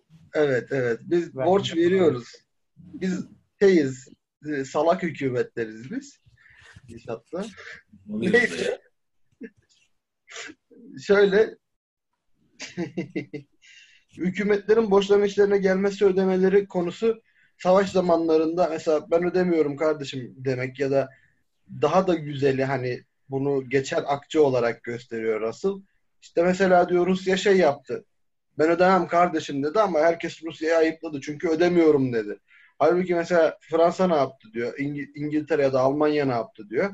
İşte paralarının değerini düşürdü. Mesela parasının değerini dörtte birine düşürüyor. Dolayısıyla diyor eski borcunun dörtte üçünü reddetmiş oluyor. Ben bunu ödemiyorum demiş oluyor diyor. Hani her şeyin bir usulü vardır. Usulüne göre yapmak lazımdır diyor. Çok e, güzel bir nüans da aslında. Devalüasyon da böyledir. Devalüasyon aslında budur. Yani paranızın değerini düşürürsünüz ve iç borcunuzu aldığınız zamanki mesela diyelim ki şu andaki hükümetin 1 milyon lira borcu vardı. Dolarda işte 1 dolar 2 liraydı. Sonra siz 1 doları 4 lira yapıyorsunuz. Hükümet hala Türk lirası üzerinden borçlandığı için 1 milyon lira borcu var. Ama eskiden e, 500 bin dolar bo- borcu varken şu an 250 bin dolara düştü borcu. Dolayısıyla borcunun yarısını doğrudan silmiş oluyor. Hani Tabii bunun da yükü aslında tüm halka biniyor yani. tabii halkın Devlet cebinden falan. parayı almış oluyor aslında Evet. doğrudan. Satın alma gücü düşüyor. Bir acı reçete varsa bunu hepimiz ödemeliyiz. Reçeteyi hepimiz- hepimize yazılmalı bu reçete. Yakında söylem vardı aklıma geldi. Hoşuma gidiyor. Yani ulan o reçete oluşumuna çok da ben katkıda bulunmadım ama niye ben ödüyorum diye düşünüyorum yani. Ee, burada aldım ben notlara bakıyorum. İş adamları zenginleşmeyi değil başkanın fakirleşmesini ister. Bunu konuştuk zaten. Hı hı. Bir de gümrük konusu var. Koruyucu gümrük önlemleri dışarıya karşı koruyor gibi görünse de içeriye de zarar verir diyor. Şimdi burada çok güzel bir şey yakalamış Bertrand Russell. Yani normalde serbest ticarete izin versek her ülke aslında güzelce malını alıp satabilir. Hani kotalar olmaz, şunlar olmaz, bunlar olmaz. Ama e, gümrük vergisi koyduğunuz anda diğer ülkeler için dezavantaj yaratıyorsunuz ama sizin gümrük vergisi koyduğunuz ülke de size gümrük vergisi koyuyor. Bu sefer aslında her şey eşitlenmiş oluyordu. Russell'ın bu bahsettiği dönemde. Ama Şimdi- artık şimdi öyle değil. Çünkü şimdi herkes her şeyi üretemiyor ve yüksek teknoloji ürünlerini alırken devletin gümrük vergisi koymasının sebebi vatandaşını düşünmesi değil aslında kendini düşünmesi daha ziyade. Yani e, yatırıma kaynak oluşturuyor. Bu ciddi bir kaynak oluşturuyor hem de. Hepimizin malumudur şeyler. E, arabalara ödenen ÖTV'ler ya da gümrük vergileri, işte iPhone'lara ödenen telefonlara, işte akıllı telefonlara ödenen, lüks tüketim malzemesi gibi görünen şeylere ödenen gümrük vergileri. Tabii burada ayrı bir nüans daha var. Mesela pırlantada bu gümrük vergisi yok. Ama telefonda, arabada var. Mesela Dinleyicinin takdirine bırakıyorum. Evet. Trump hükümeti 3 ay önce falan e, Türkiye'den Amerika'ya ihraç olacak demir çelik ürünlerine gümrük vergilerini arttırmıştı, tarifeleri arttırmıştı. Şimdi Bayağı Türkiye, politik politik bir hamle olarak yaptı onu yani aslında. yani Amerika Türkiye için büyük bir pazar yani oraya e, demir çelik ürünü satabilmek. Şimdi normalde Amerikalı bir firmasınız diyelim. Türk bir firmadan e, ham madde halinde demir çelik ithal ediyorsunuz, alıyorsunuz ve onu hani işleyip satıyorsunuz. Sonra Trump hükümeti diyor ki kardeşim Türkiye'den gelenler şu kadar artık hani vergileri. Bu sefer ne yapıyorsunuz? Başka bir pazar ayrışına bakıyorsunuz. Yani işte Anselor'a gidiyorsunuz. Mesela toz çeliğe gitmiyorsunuz. Türkiye'li üretici olduğu için söylüyorum. Tosyalı çelikten almıyorsunuz da Anselor'dan alıyorsunuz veya Hindistan'a yönünüzü çevirip Mittal'den alıyorsunuz. Mesela Mittal Steel'den alıyorsunuz. E bu ne yapıyor? Pazarınızı değiştiriyorsunuz. Mesela Türkiye'yi seçmenin şöyle bir avantajı olabilir. Hindistan'dansa Türkiye belki deniz yoluyla daha yakın olabilir. Ama daha uzaktan bir yerden getirmek Amerikalı bir üretici için çok daha şey oluyor. Ucuz oluyor. Maliyeti daha az oluyor. Şimdi Türkiye'de buna böyle bir karşılık verebilir diye düşünürüz. İnsan düşünür. Ama verebiliyor muyuz? Hayır. Buna karşılık verebileceğimiz herhangi bir durum söz konusu olmuyor. Neden? Biz ekonomik anlamda mal satabildiğimiz ülkelere daha fazla bağımlıyken onların bize çok bir bağımlılığı yok. Bizim onlara, onlara satabileceğimiz katma değerli e, şeyler, ürünler işte demir çelik seviyesinde kalıyor. Ama o adam sana iPhone satabiliyor, araba satabiliyor. Ne bileyim yüksek teknoloji ürünü bir sürü malzeme satabiliyor. Yani o adamın sana koyduğu yaptırıma karşılık senin ona yaptırım olarak sunabileceğin hiçbir şey yok ortada. Ve bu durum seni daha çok kötü etkiliyor. Yaptırım koyulan tarafı daha çok kötü etkiliyor. Evet, ben bu bölümle ilgili e, şey konusun yani altını zaten e, neden para basımında bir kriter olması gerektiğini çok güzel açıklamış. Zaten bir süre sonra da birçok ülke e, altına dayalı para basımından döndü. E, yani bence burada zaten bunu yani şey gene vizyonerliğini konuşturmuş bence Russell. E, ben burada e, bu bölümde ve devam eden bölümlerde de arada bahsediyor. Bu hani mali politika, dünyanın iktisadi durumu hani ve bu aslında aylaklığa, övgüde bahsetti daha az çalışmayı nasıl sağlayabiliriz? Tüm insanların bir şekilde gene refahını gözeterek konusunda bence Russell'ın burada e, çok güzel değindiği birkaç nokta var. Ben hemen oradan ufak notlarıma bakayım. Şimdi bir sayfa 59-60'da yazdığı bir cümle var mesela. Hangisinin olduğunu tam hatırlamıyorum. Not almışım. Ee, Eren'in de bahsettiğinin aslında ta, tam cümlesi. Eğer iş adamlarının zenginleşmek arzuları başkalarını yoksullaştırmak arzularından daha güçlü olsaydı dünya çabucak bir cennete dönerdi. Bunun altında yatan sebeplerden de bahsediyor. Yani neden başkalarının fakirleşmesini ister iş adamları diye. Bunun bir sebebinin milliyetçilik olduğunu söylüyor. Yani şu, şu mantık. Bizim ülke zenginleşirken başka ülkeler fakirleşsin. Bu zihniyet hala dünyada geçer, büyük oranda geçerli olan bir zihniyet. Bundan bence de tüm dünya e, zarar görüyor. İkincisi de üretici psikolojisi. Yani ben üreteceğim, üreteceğim. Hani sürekli daha fazla üreteceğim, daha iyi üreteceğim falan. Rakiplerimi yeneceğim e, zihniyeti. Bence hani bunun devamında da kendi hani idealindeki üretim nasıl olmalı, dünya genelinde üretim nasıl olmalı, ticaret hani nasıl e, iş bölümü dünya genelinde nasıl paylaştırılmalı bunu anlatıyor. Hani zaten gümrük vergilerini hani tasvip etmiyor. Aynı zamanda da diyor ki hani üretim dünya genelinde bir şekilde bir hani şey olabilse, bir şekilde birlikte planlanabilse hani sonuçta muhtemelen A, A ülkesi B ülkesine göre X ürünü daha iyi üretecektir. İşte B ülkesi de Y ürünü üretecektir. Hani bunu dünyada daha iyi sağlayabilirsen bu, zaman, bu zaman neyi elde edeceksin? Hani belli ürünler belli yerlerde büyük boyutlarda üretilecek ve bu sayede hani daha verimli üretilecek. Hani atıyorum kocaman kocaman fabrikalar falan her şey çok optimize olacak. Ve bu sayede hani şey de belli olacak. Talebi karşılayacak kadar üretmeyi de sağlamak olacak. Tüm dünyanın talebini karşılayacak oradaki üretim tesisi. Bu sayede hani şey durumları da oluşacak. İşsizlik hani arz talep dengesi bozulduğu an çünkü bir işler kapanıyor işte ya da çok rekabet olduğu zaman rekabeti de genelde çok sevmiyor bu açıdan. Çünkü rekabet olduğu zaman hani sen işte zenginleşiyorsun ama aslında başkalarını batırıyorsun. Başka firmaları batırıyorsun. Bu yüzden de aslında o batırdığın şirketin sahibi işte onun altına çalışan binlerce insan işsiz kalıyor. Belki işte hayatları böyle trajediye dönüşüyor falan filan yani. Bunu düşünerek hani bence özellikle şey klasik sosyalist, komünist görüşten e, en büyük ayrıldığı belki de şeylerden bir kısımlardan biri bu yani. O şeyi böyle global ekonomiyi en başından beri savunuyor. Bence bu hakikaten önemli bir şey. Ya dünyada zaten günümüzde globalleşiyor ama hala e, aşırı bir rekabet altındayız. E, hem bireysel e, anlamda hem de şirket hem de ülke anlamında hala aşırı bir rekabet, hala aşırı bir silahlanma durumdayız. Hani ne kadar her ne kadar çok savaşlar yaşamasak da hani insan kaybı çok yaşamasak da hani tehdit unsuru olarak sürekli bir silahlanma durumundayız. Hani inşallah patlak vermez ama patlak verirse gerçekten dünyanın hali çok kötü durumlara sürükleniyor. Çünkü inanılmaz bir silahlanma var tüm dünyada hala. Ee, bunların hepsini düşününce ben hakikaten e, Russell'ın hani tüm dünyayı dolaşması, işte zaten iktisadi eğitime sahip olması ve hani okuyup araştırmaya her zaman adamın zamanının olmasından dolayı hani bir zaten bir filozof da olarak çok güzel durumu e, özetlediğini düşünüyorum. Özellikle iktisadi konuda yani yazdıklarının birçoğuna katıldım. E, mesela hani daha ilerleyen bölümlerde de var. Belki onlara değinemeyebiliriz. Hani çok oturum uzatmamak adına hani e, arkadaşlar takipçilerimiz isterlerse bakabilirler. Hani orada daha detaylı şeylerden de bahsediyor. Hani sosyalist işte dünya nasıl kurulur falan filan diye. Hani biraz tabii ütopik olabilir. Ama hani kendince bir düzen oturtmuş. Ben özellikle iktisadi kısmına e, bu globalleşmenin bu anlamda globalleşme ama böyle hani ölümüne rekabet anlamında globalleşme değil.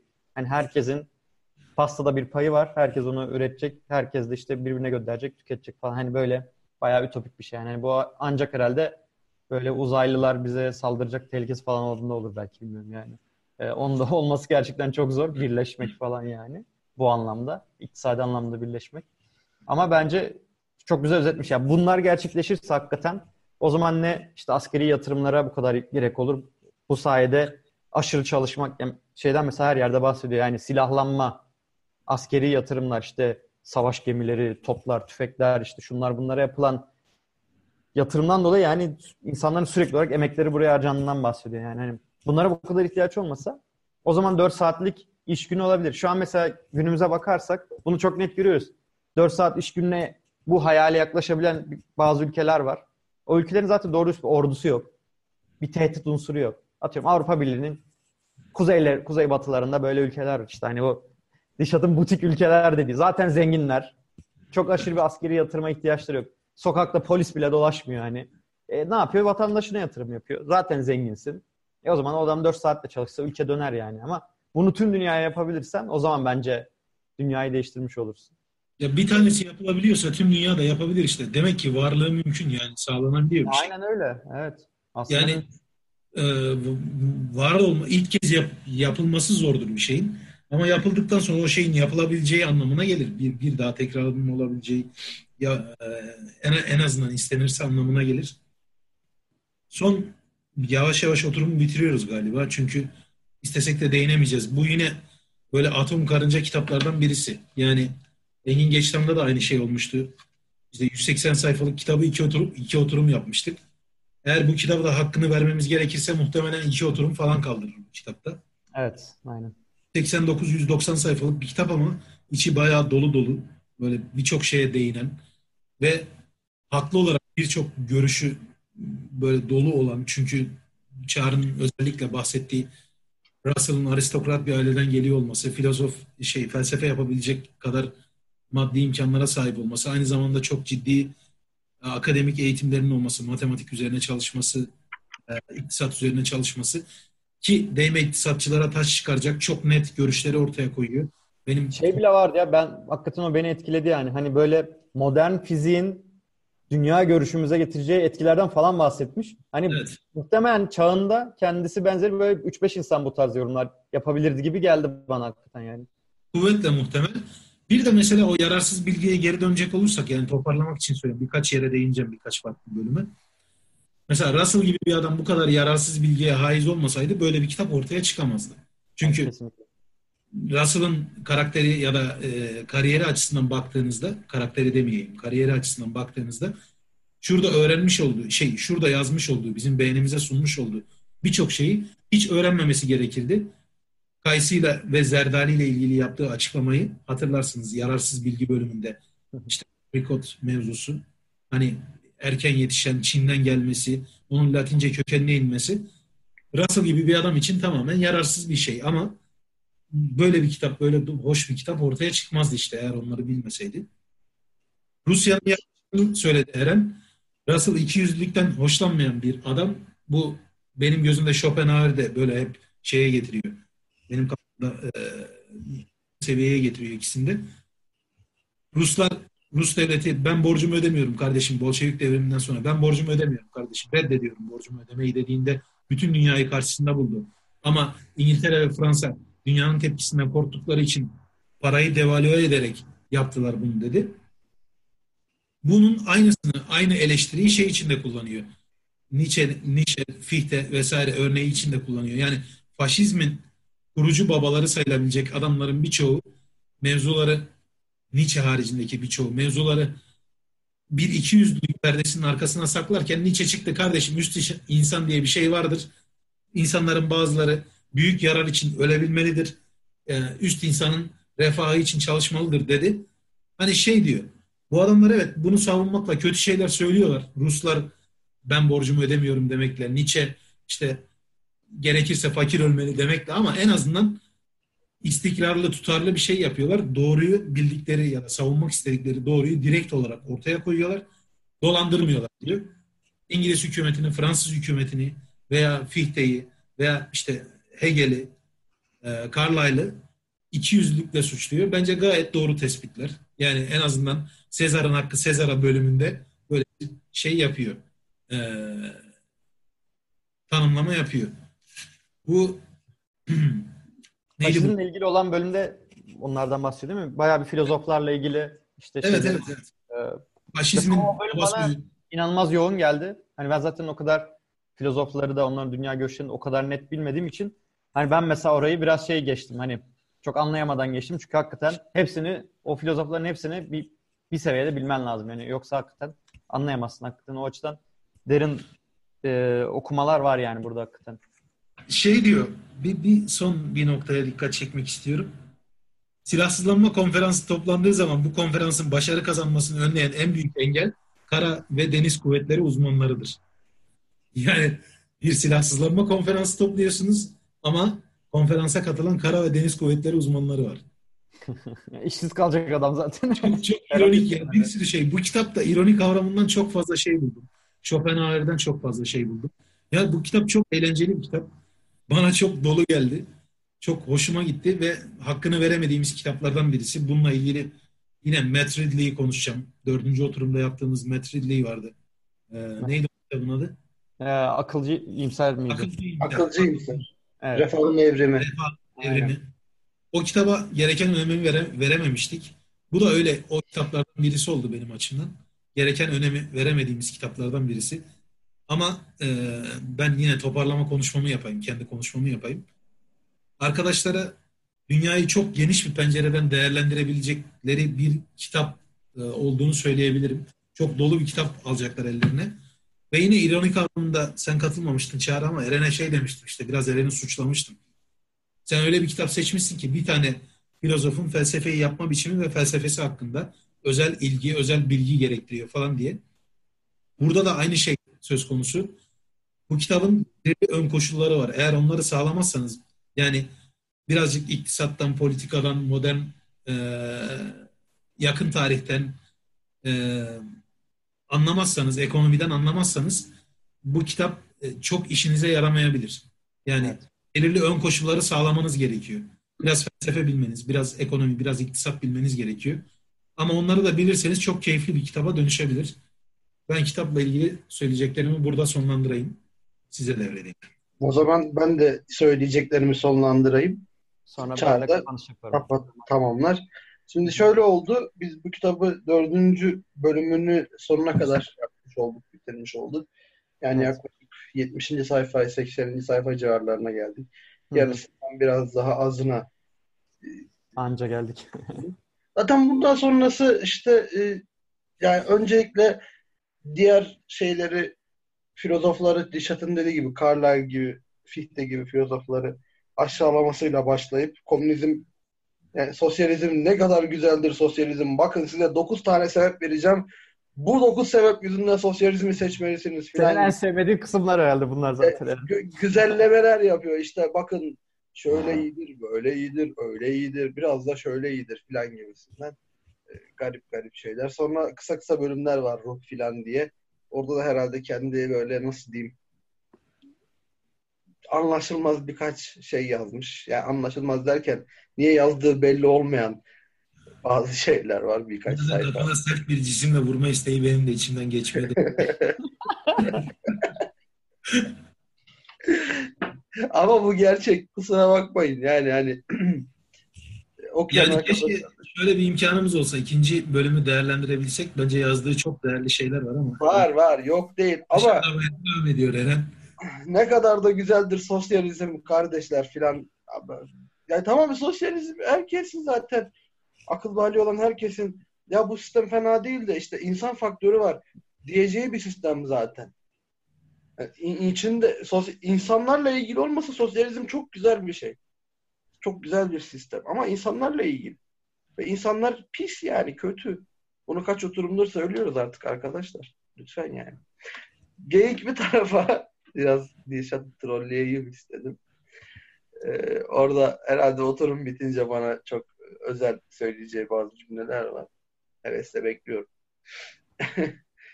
Bertrand Russell'la ilgili düşüncelerimi ben oturumun başında söyledim. Kendisini çok sevmem. Ee, sevmediğim filozoflardandır aynı zamanda. Bir de zengin. Zenginler hakkındaki düşüncelerimi de biliyorsunuz. Dolayısıyla yani ben tutarsız bulduğum noktalar var. Tabii zenginliği, fakirliği beni ilgilendirmez de gerçekten düşünce dünyasında tutarsız bulduğum ve gerçekten beni tatmin edemeyen çok fazla fikri ya da söylemi var. Ha bunun yanında çok muhteşem söylemler bulduğum söylemleri de var. Sezar, Nakli Sezar'a diye bir laf var ya Dişat daha önce kullandı. Çok severim.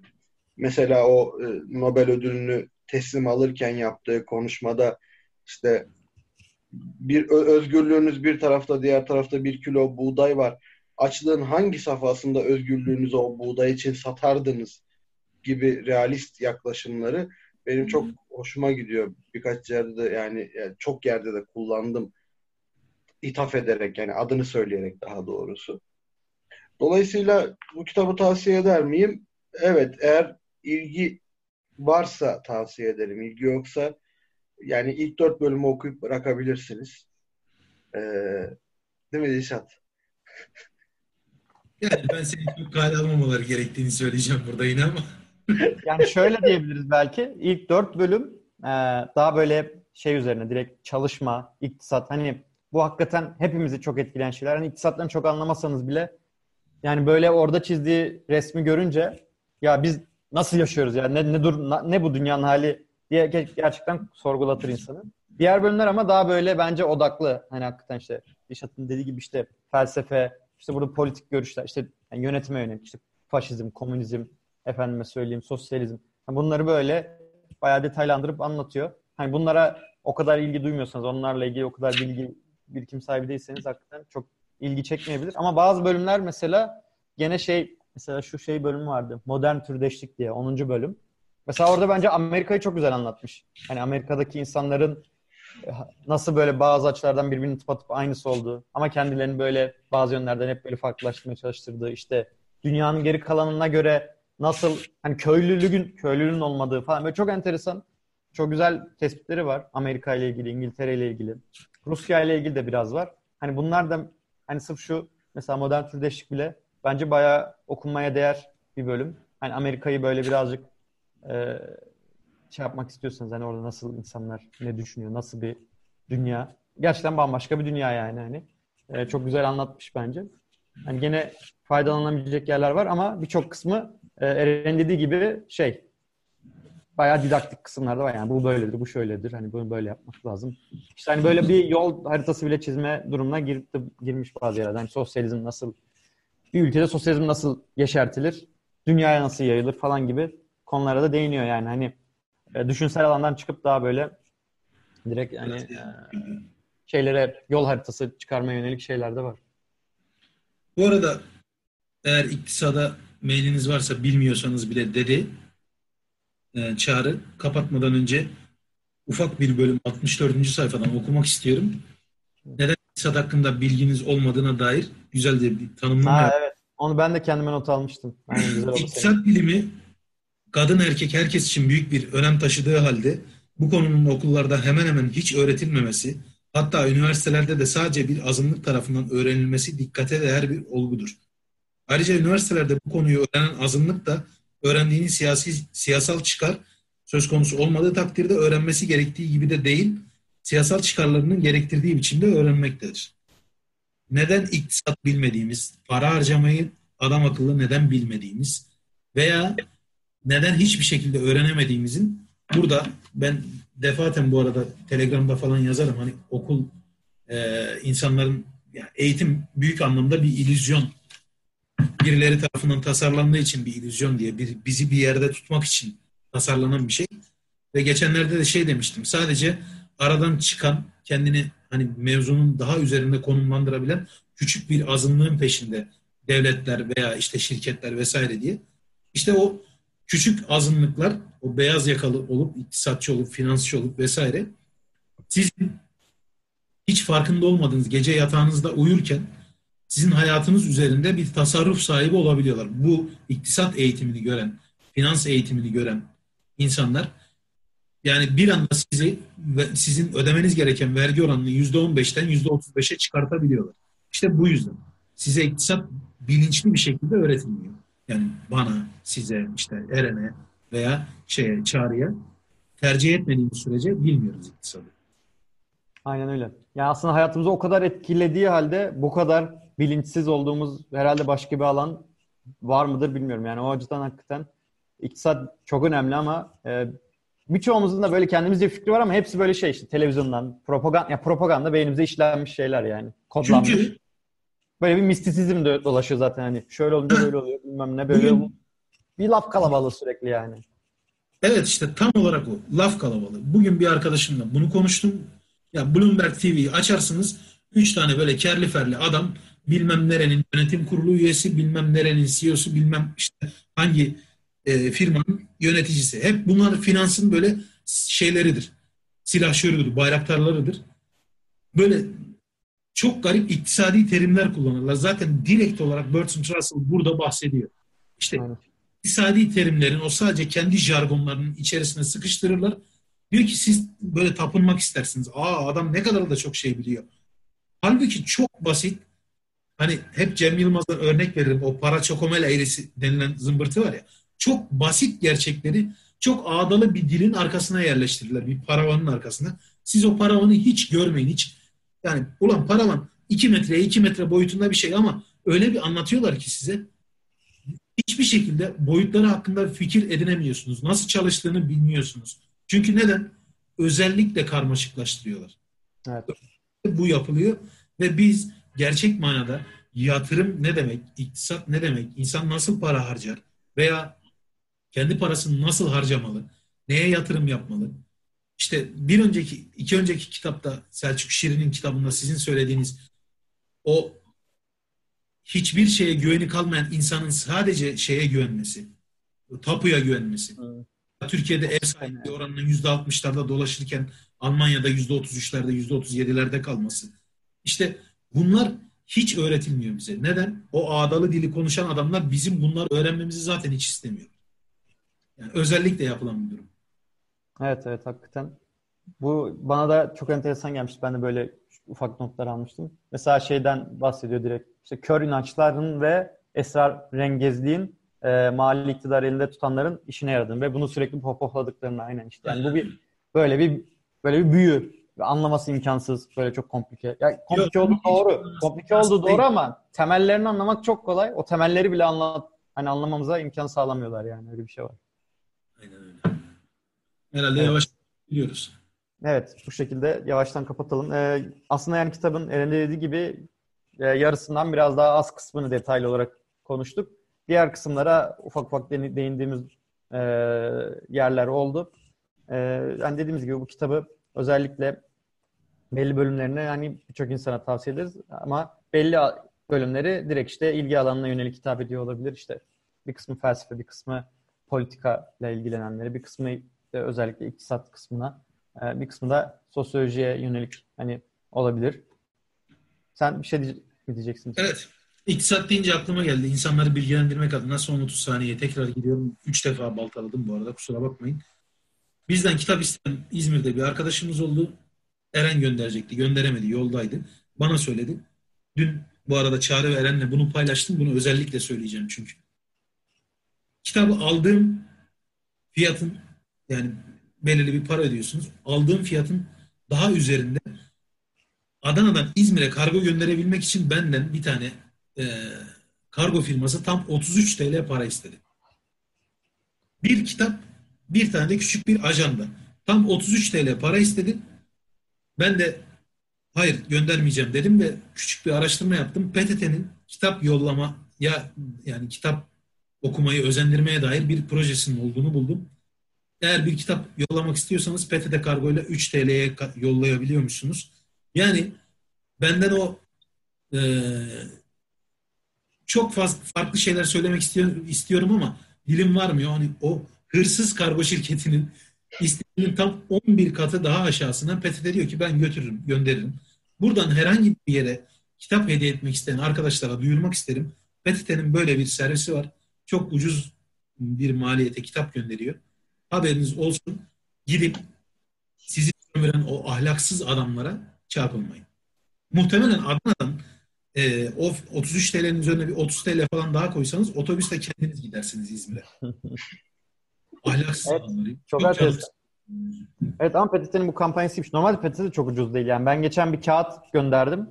12 lira mı neydi yani? Gerçi bilmiyorum bu şey mi oldu? Çok böyle son dakika gönderdim. Belki acele post oldu falan. Ne olduğunu bilmiyorum da PTT kargo da çok ucuz değil normalde. Yani herhalde piyasada bir sıkıntı var. Ama 33 de yani, yani hani kitaba böyle bir evet. şeyleri işte 3 TL'ymiş. Ben de aynı şöyle bir şey söyleyebiliriz ama aynı senin bahsettiğin şirketin aynısıyla bir işte kitap sitesinden gönderirsen, atıyorum kitap yuruna gönderirsen 5-6 liraya gönderiyorsun ekstra. Demek ki belli ki orada bir şey durumu var. Bunlar bireysel, çok büyük, çok bireysel büyük gelen insanda bir kazıklama durumu var belli ki yani. Evet yani insan insan kazıklanmamalı ama bu kadar göz göre göre de kazıklanmamalı. Dediğim gibi yani çıktığımda bizimkilere Çağrı ve Eren'e ben sesli mesaj gönderdim. Hani açıkladım durumu baya biraz daha belki küfürlü açıklamışımdır bilmiyorum. Sonrasında şey dedim yani çıkınca şunu düşündüm. Ulan acaba Adana'dan İzmir'e e, otobüs düşündüm yani bunu düşünmeden edemedim. Evet gerçekten enteresan. Ee, 20. 21. oturumumuzun sonuna yaklaşık gene bir 2 saati geçti geldi. 2 saat 15 dakikayı falan bulduk. E, kitabı da bitiremedik aslında. Yani belki de bilmiyorum böyle e, farklı formatlarda düşünebiliriz. 2019'da bunları da tartışmaya açabiliriz. Zaten şimdi 2018'in son oturumunda, Aralık ayının ikinci oturumunda e, hani Dilşat'ın şöyle bir önerisi oldu. Ondan da bahsedelim kısaca. Herhangi bir kitap okumayalım. Hani senenin bir değerlendirmesini yapalım. Hani hem şeyler açısından işte takipçi sayıları, kaç kişi olduk Telegram'da falan. Aynı zamanda işte Telegram'daki e, gruptaki arkadaşlardan hem de dışarıdan gene olabilir takipçilerimizden hani böyle metin olarak olabilir, sesli mesaj olarak olabilir, video olarak olabilir. Hani böyle bize e, genel olarak hissiyatlarını, yorumlarını ya da hani herhangi bir şey olabilir. Hani biz senenin değerlendirmesine yönelik e, bize böyle deneyimlerini anlatırlarsa çok seviniriz. E, bunu zaten Telegram grubundan da biz e, aktaracağız. E, yapabilirsek e, belki canlı yayın yapma durumumuz da olabilir. Hani detaylar çok net değil. E, muhtemelen işte Aralık ayının 3. haftasını 21, 22, 23 Aralık o civarlar olacak. Detaylar tam henüz belli olmamakla birlikte hani bir kitap okumayacağız bu sefer daha böyle bir genel değerlendirme. Belki 2019'da neler yapabiliriz onları da ufaktan konuşuruz. E, belki bazı format değişiklikleri olabilir. Daha işte takipçilerimizi daha nasıl dahil ederiz? Buna yönelik fikirleri konuşabiliriz. Bunu da duyurmuş olayım. Bizi dinlediğiniz, izlediğiniz için teşekkür ederiz. Ee, bizi YouTube'dan, e, iTunes Podcast'ten, Spreaker ve diğer podcast uygulamalarından bulabilirsiniz. Aynı zamanda Medium'da blogumuz var. Satır Arası ismiyle. Eren Blog yazılarımızı yazıyor. Sosyal medya hesaplarımızdan da e, paylaşımlarımızı takip edebilirsiniz. Twitter, Instagram özellikle bu ikisini en çok kullanıyoruz. Arada Facebook'ta kullanıyoruz. Bizi buralardan takip edebilirsiniz. Tekrardan bizi dinlediğiniz, izlediğiniz için çok teşekkürler. 22. oturumda e, senin de değerlendirmesiyle buluşmak üzere. Hoşçakalın.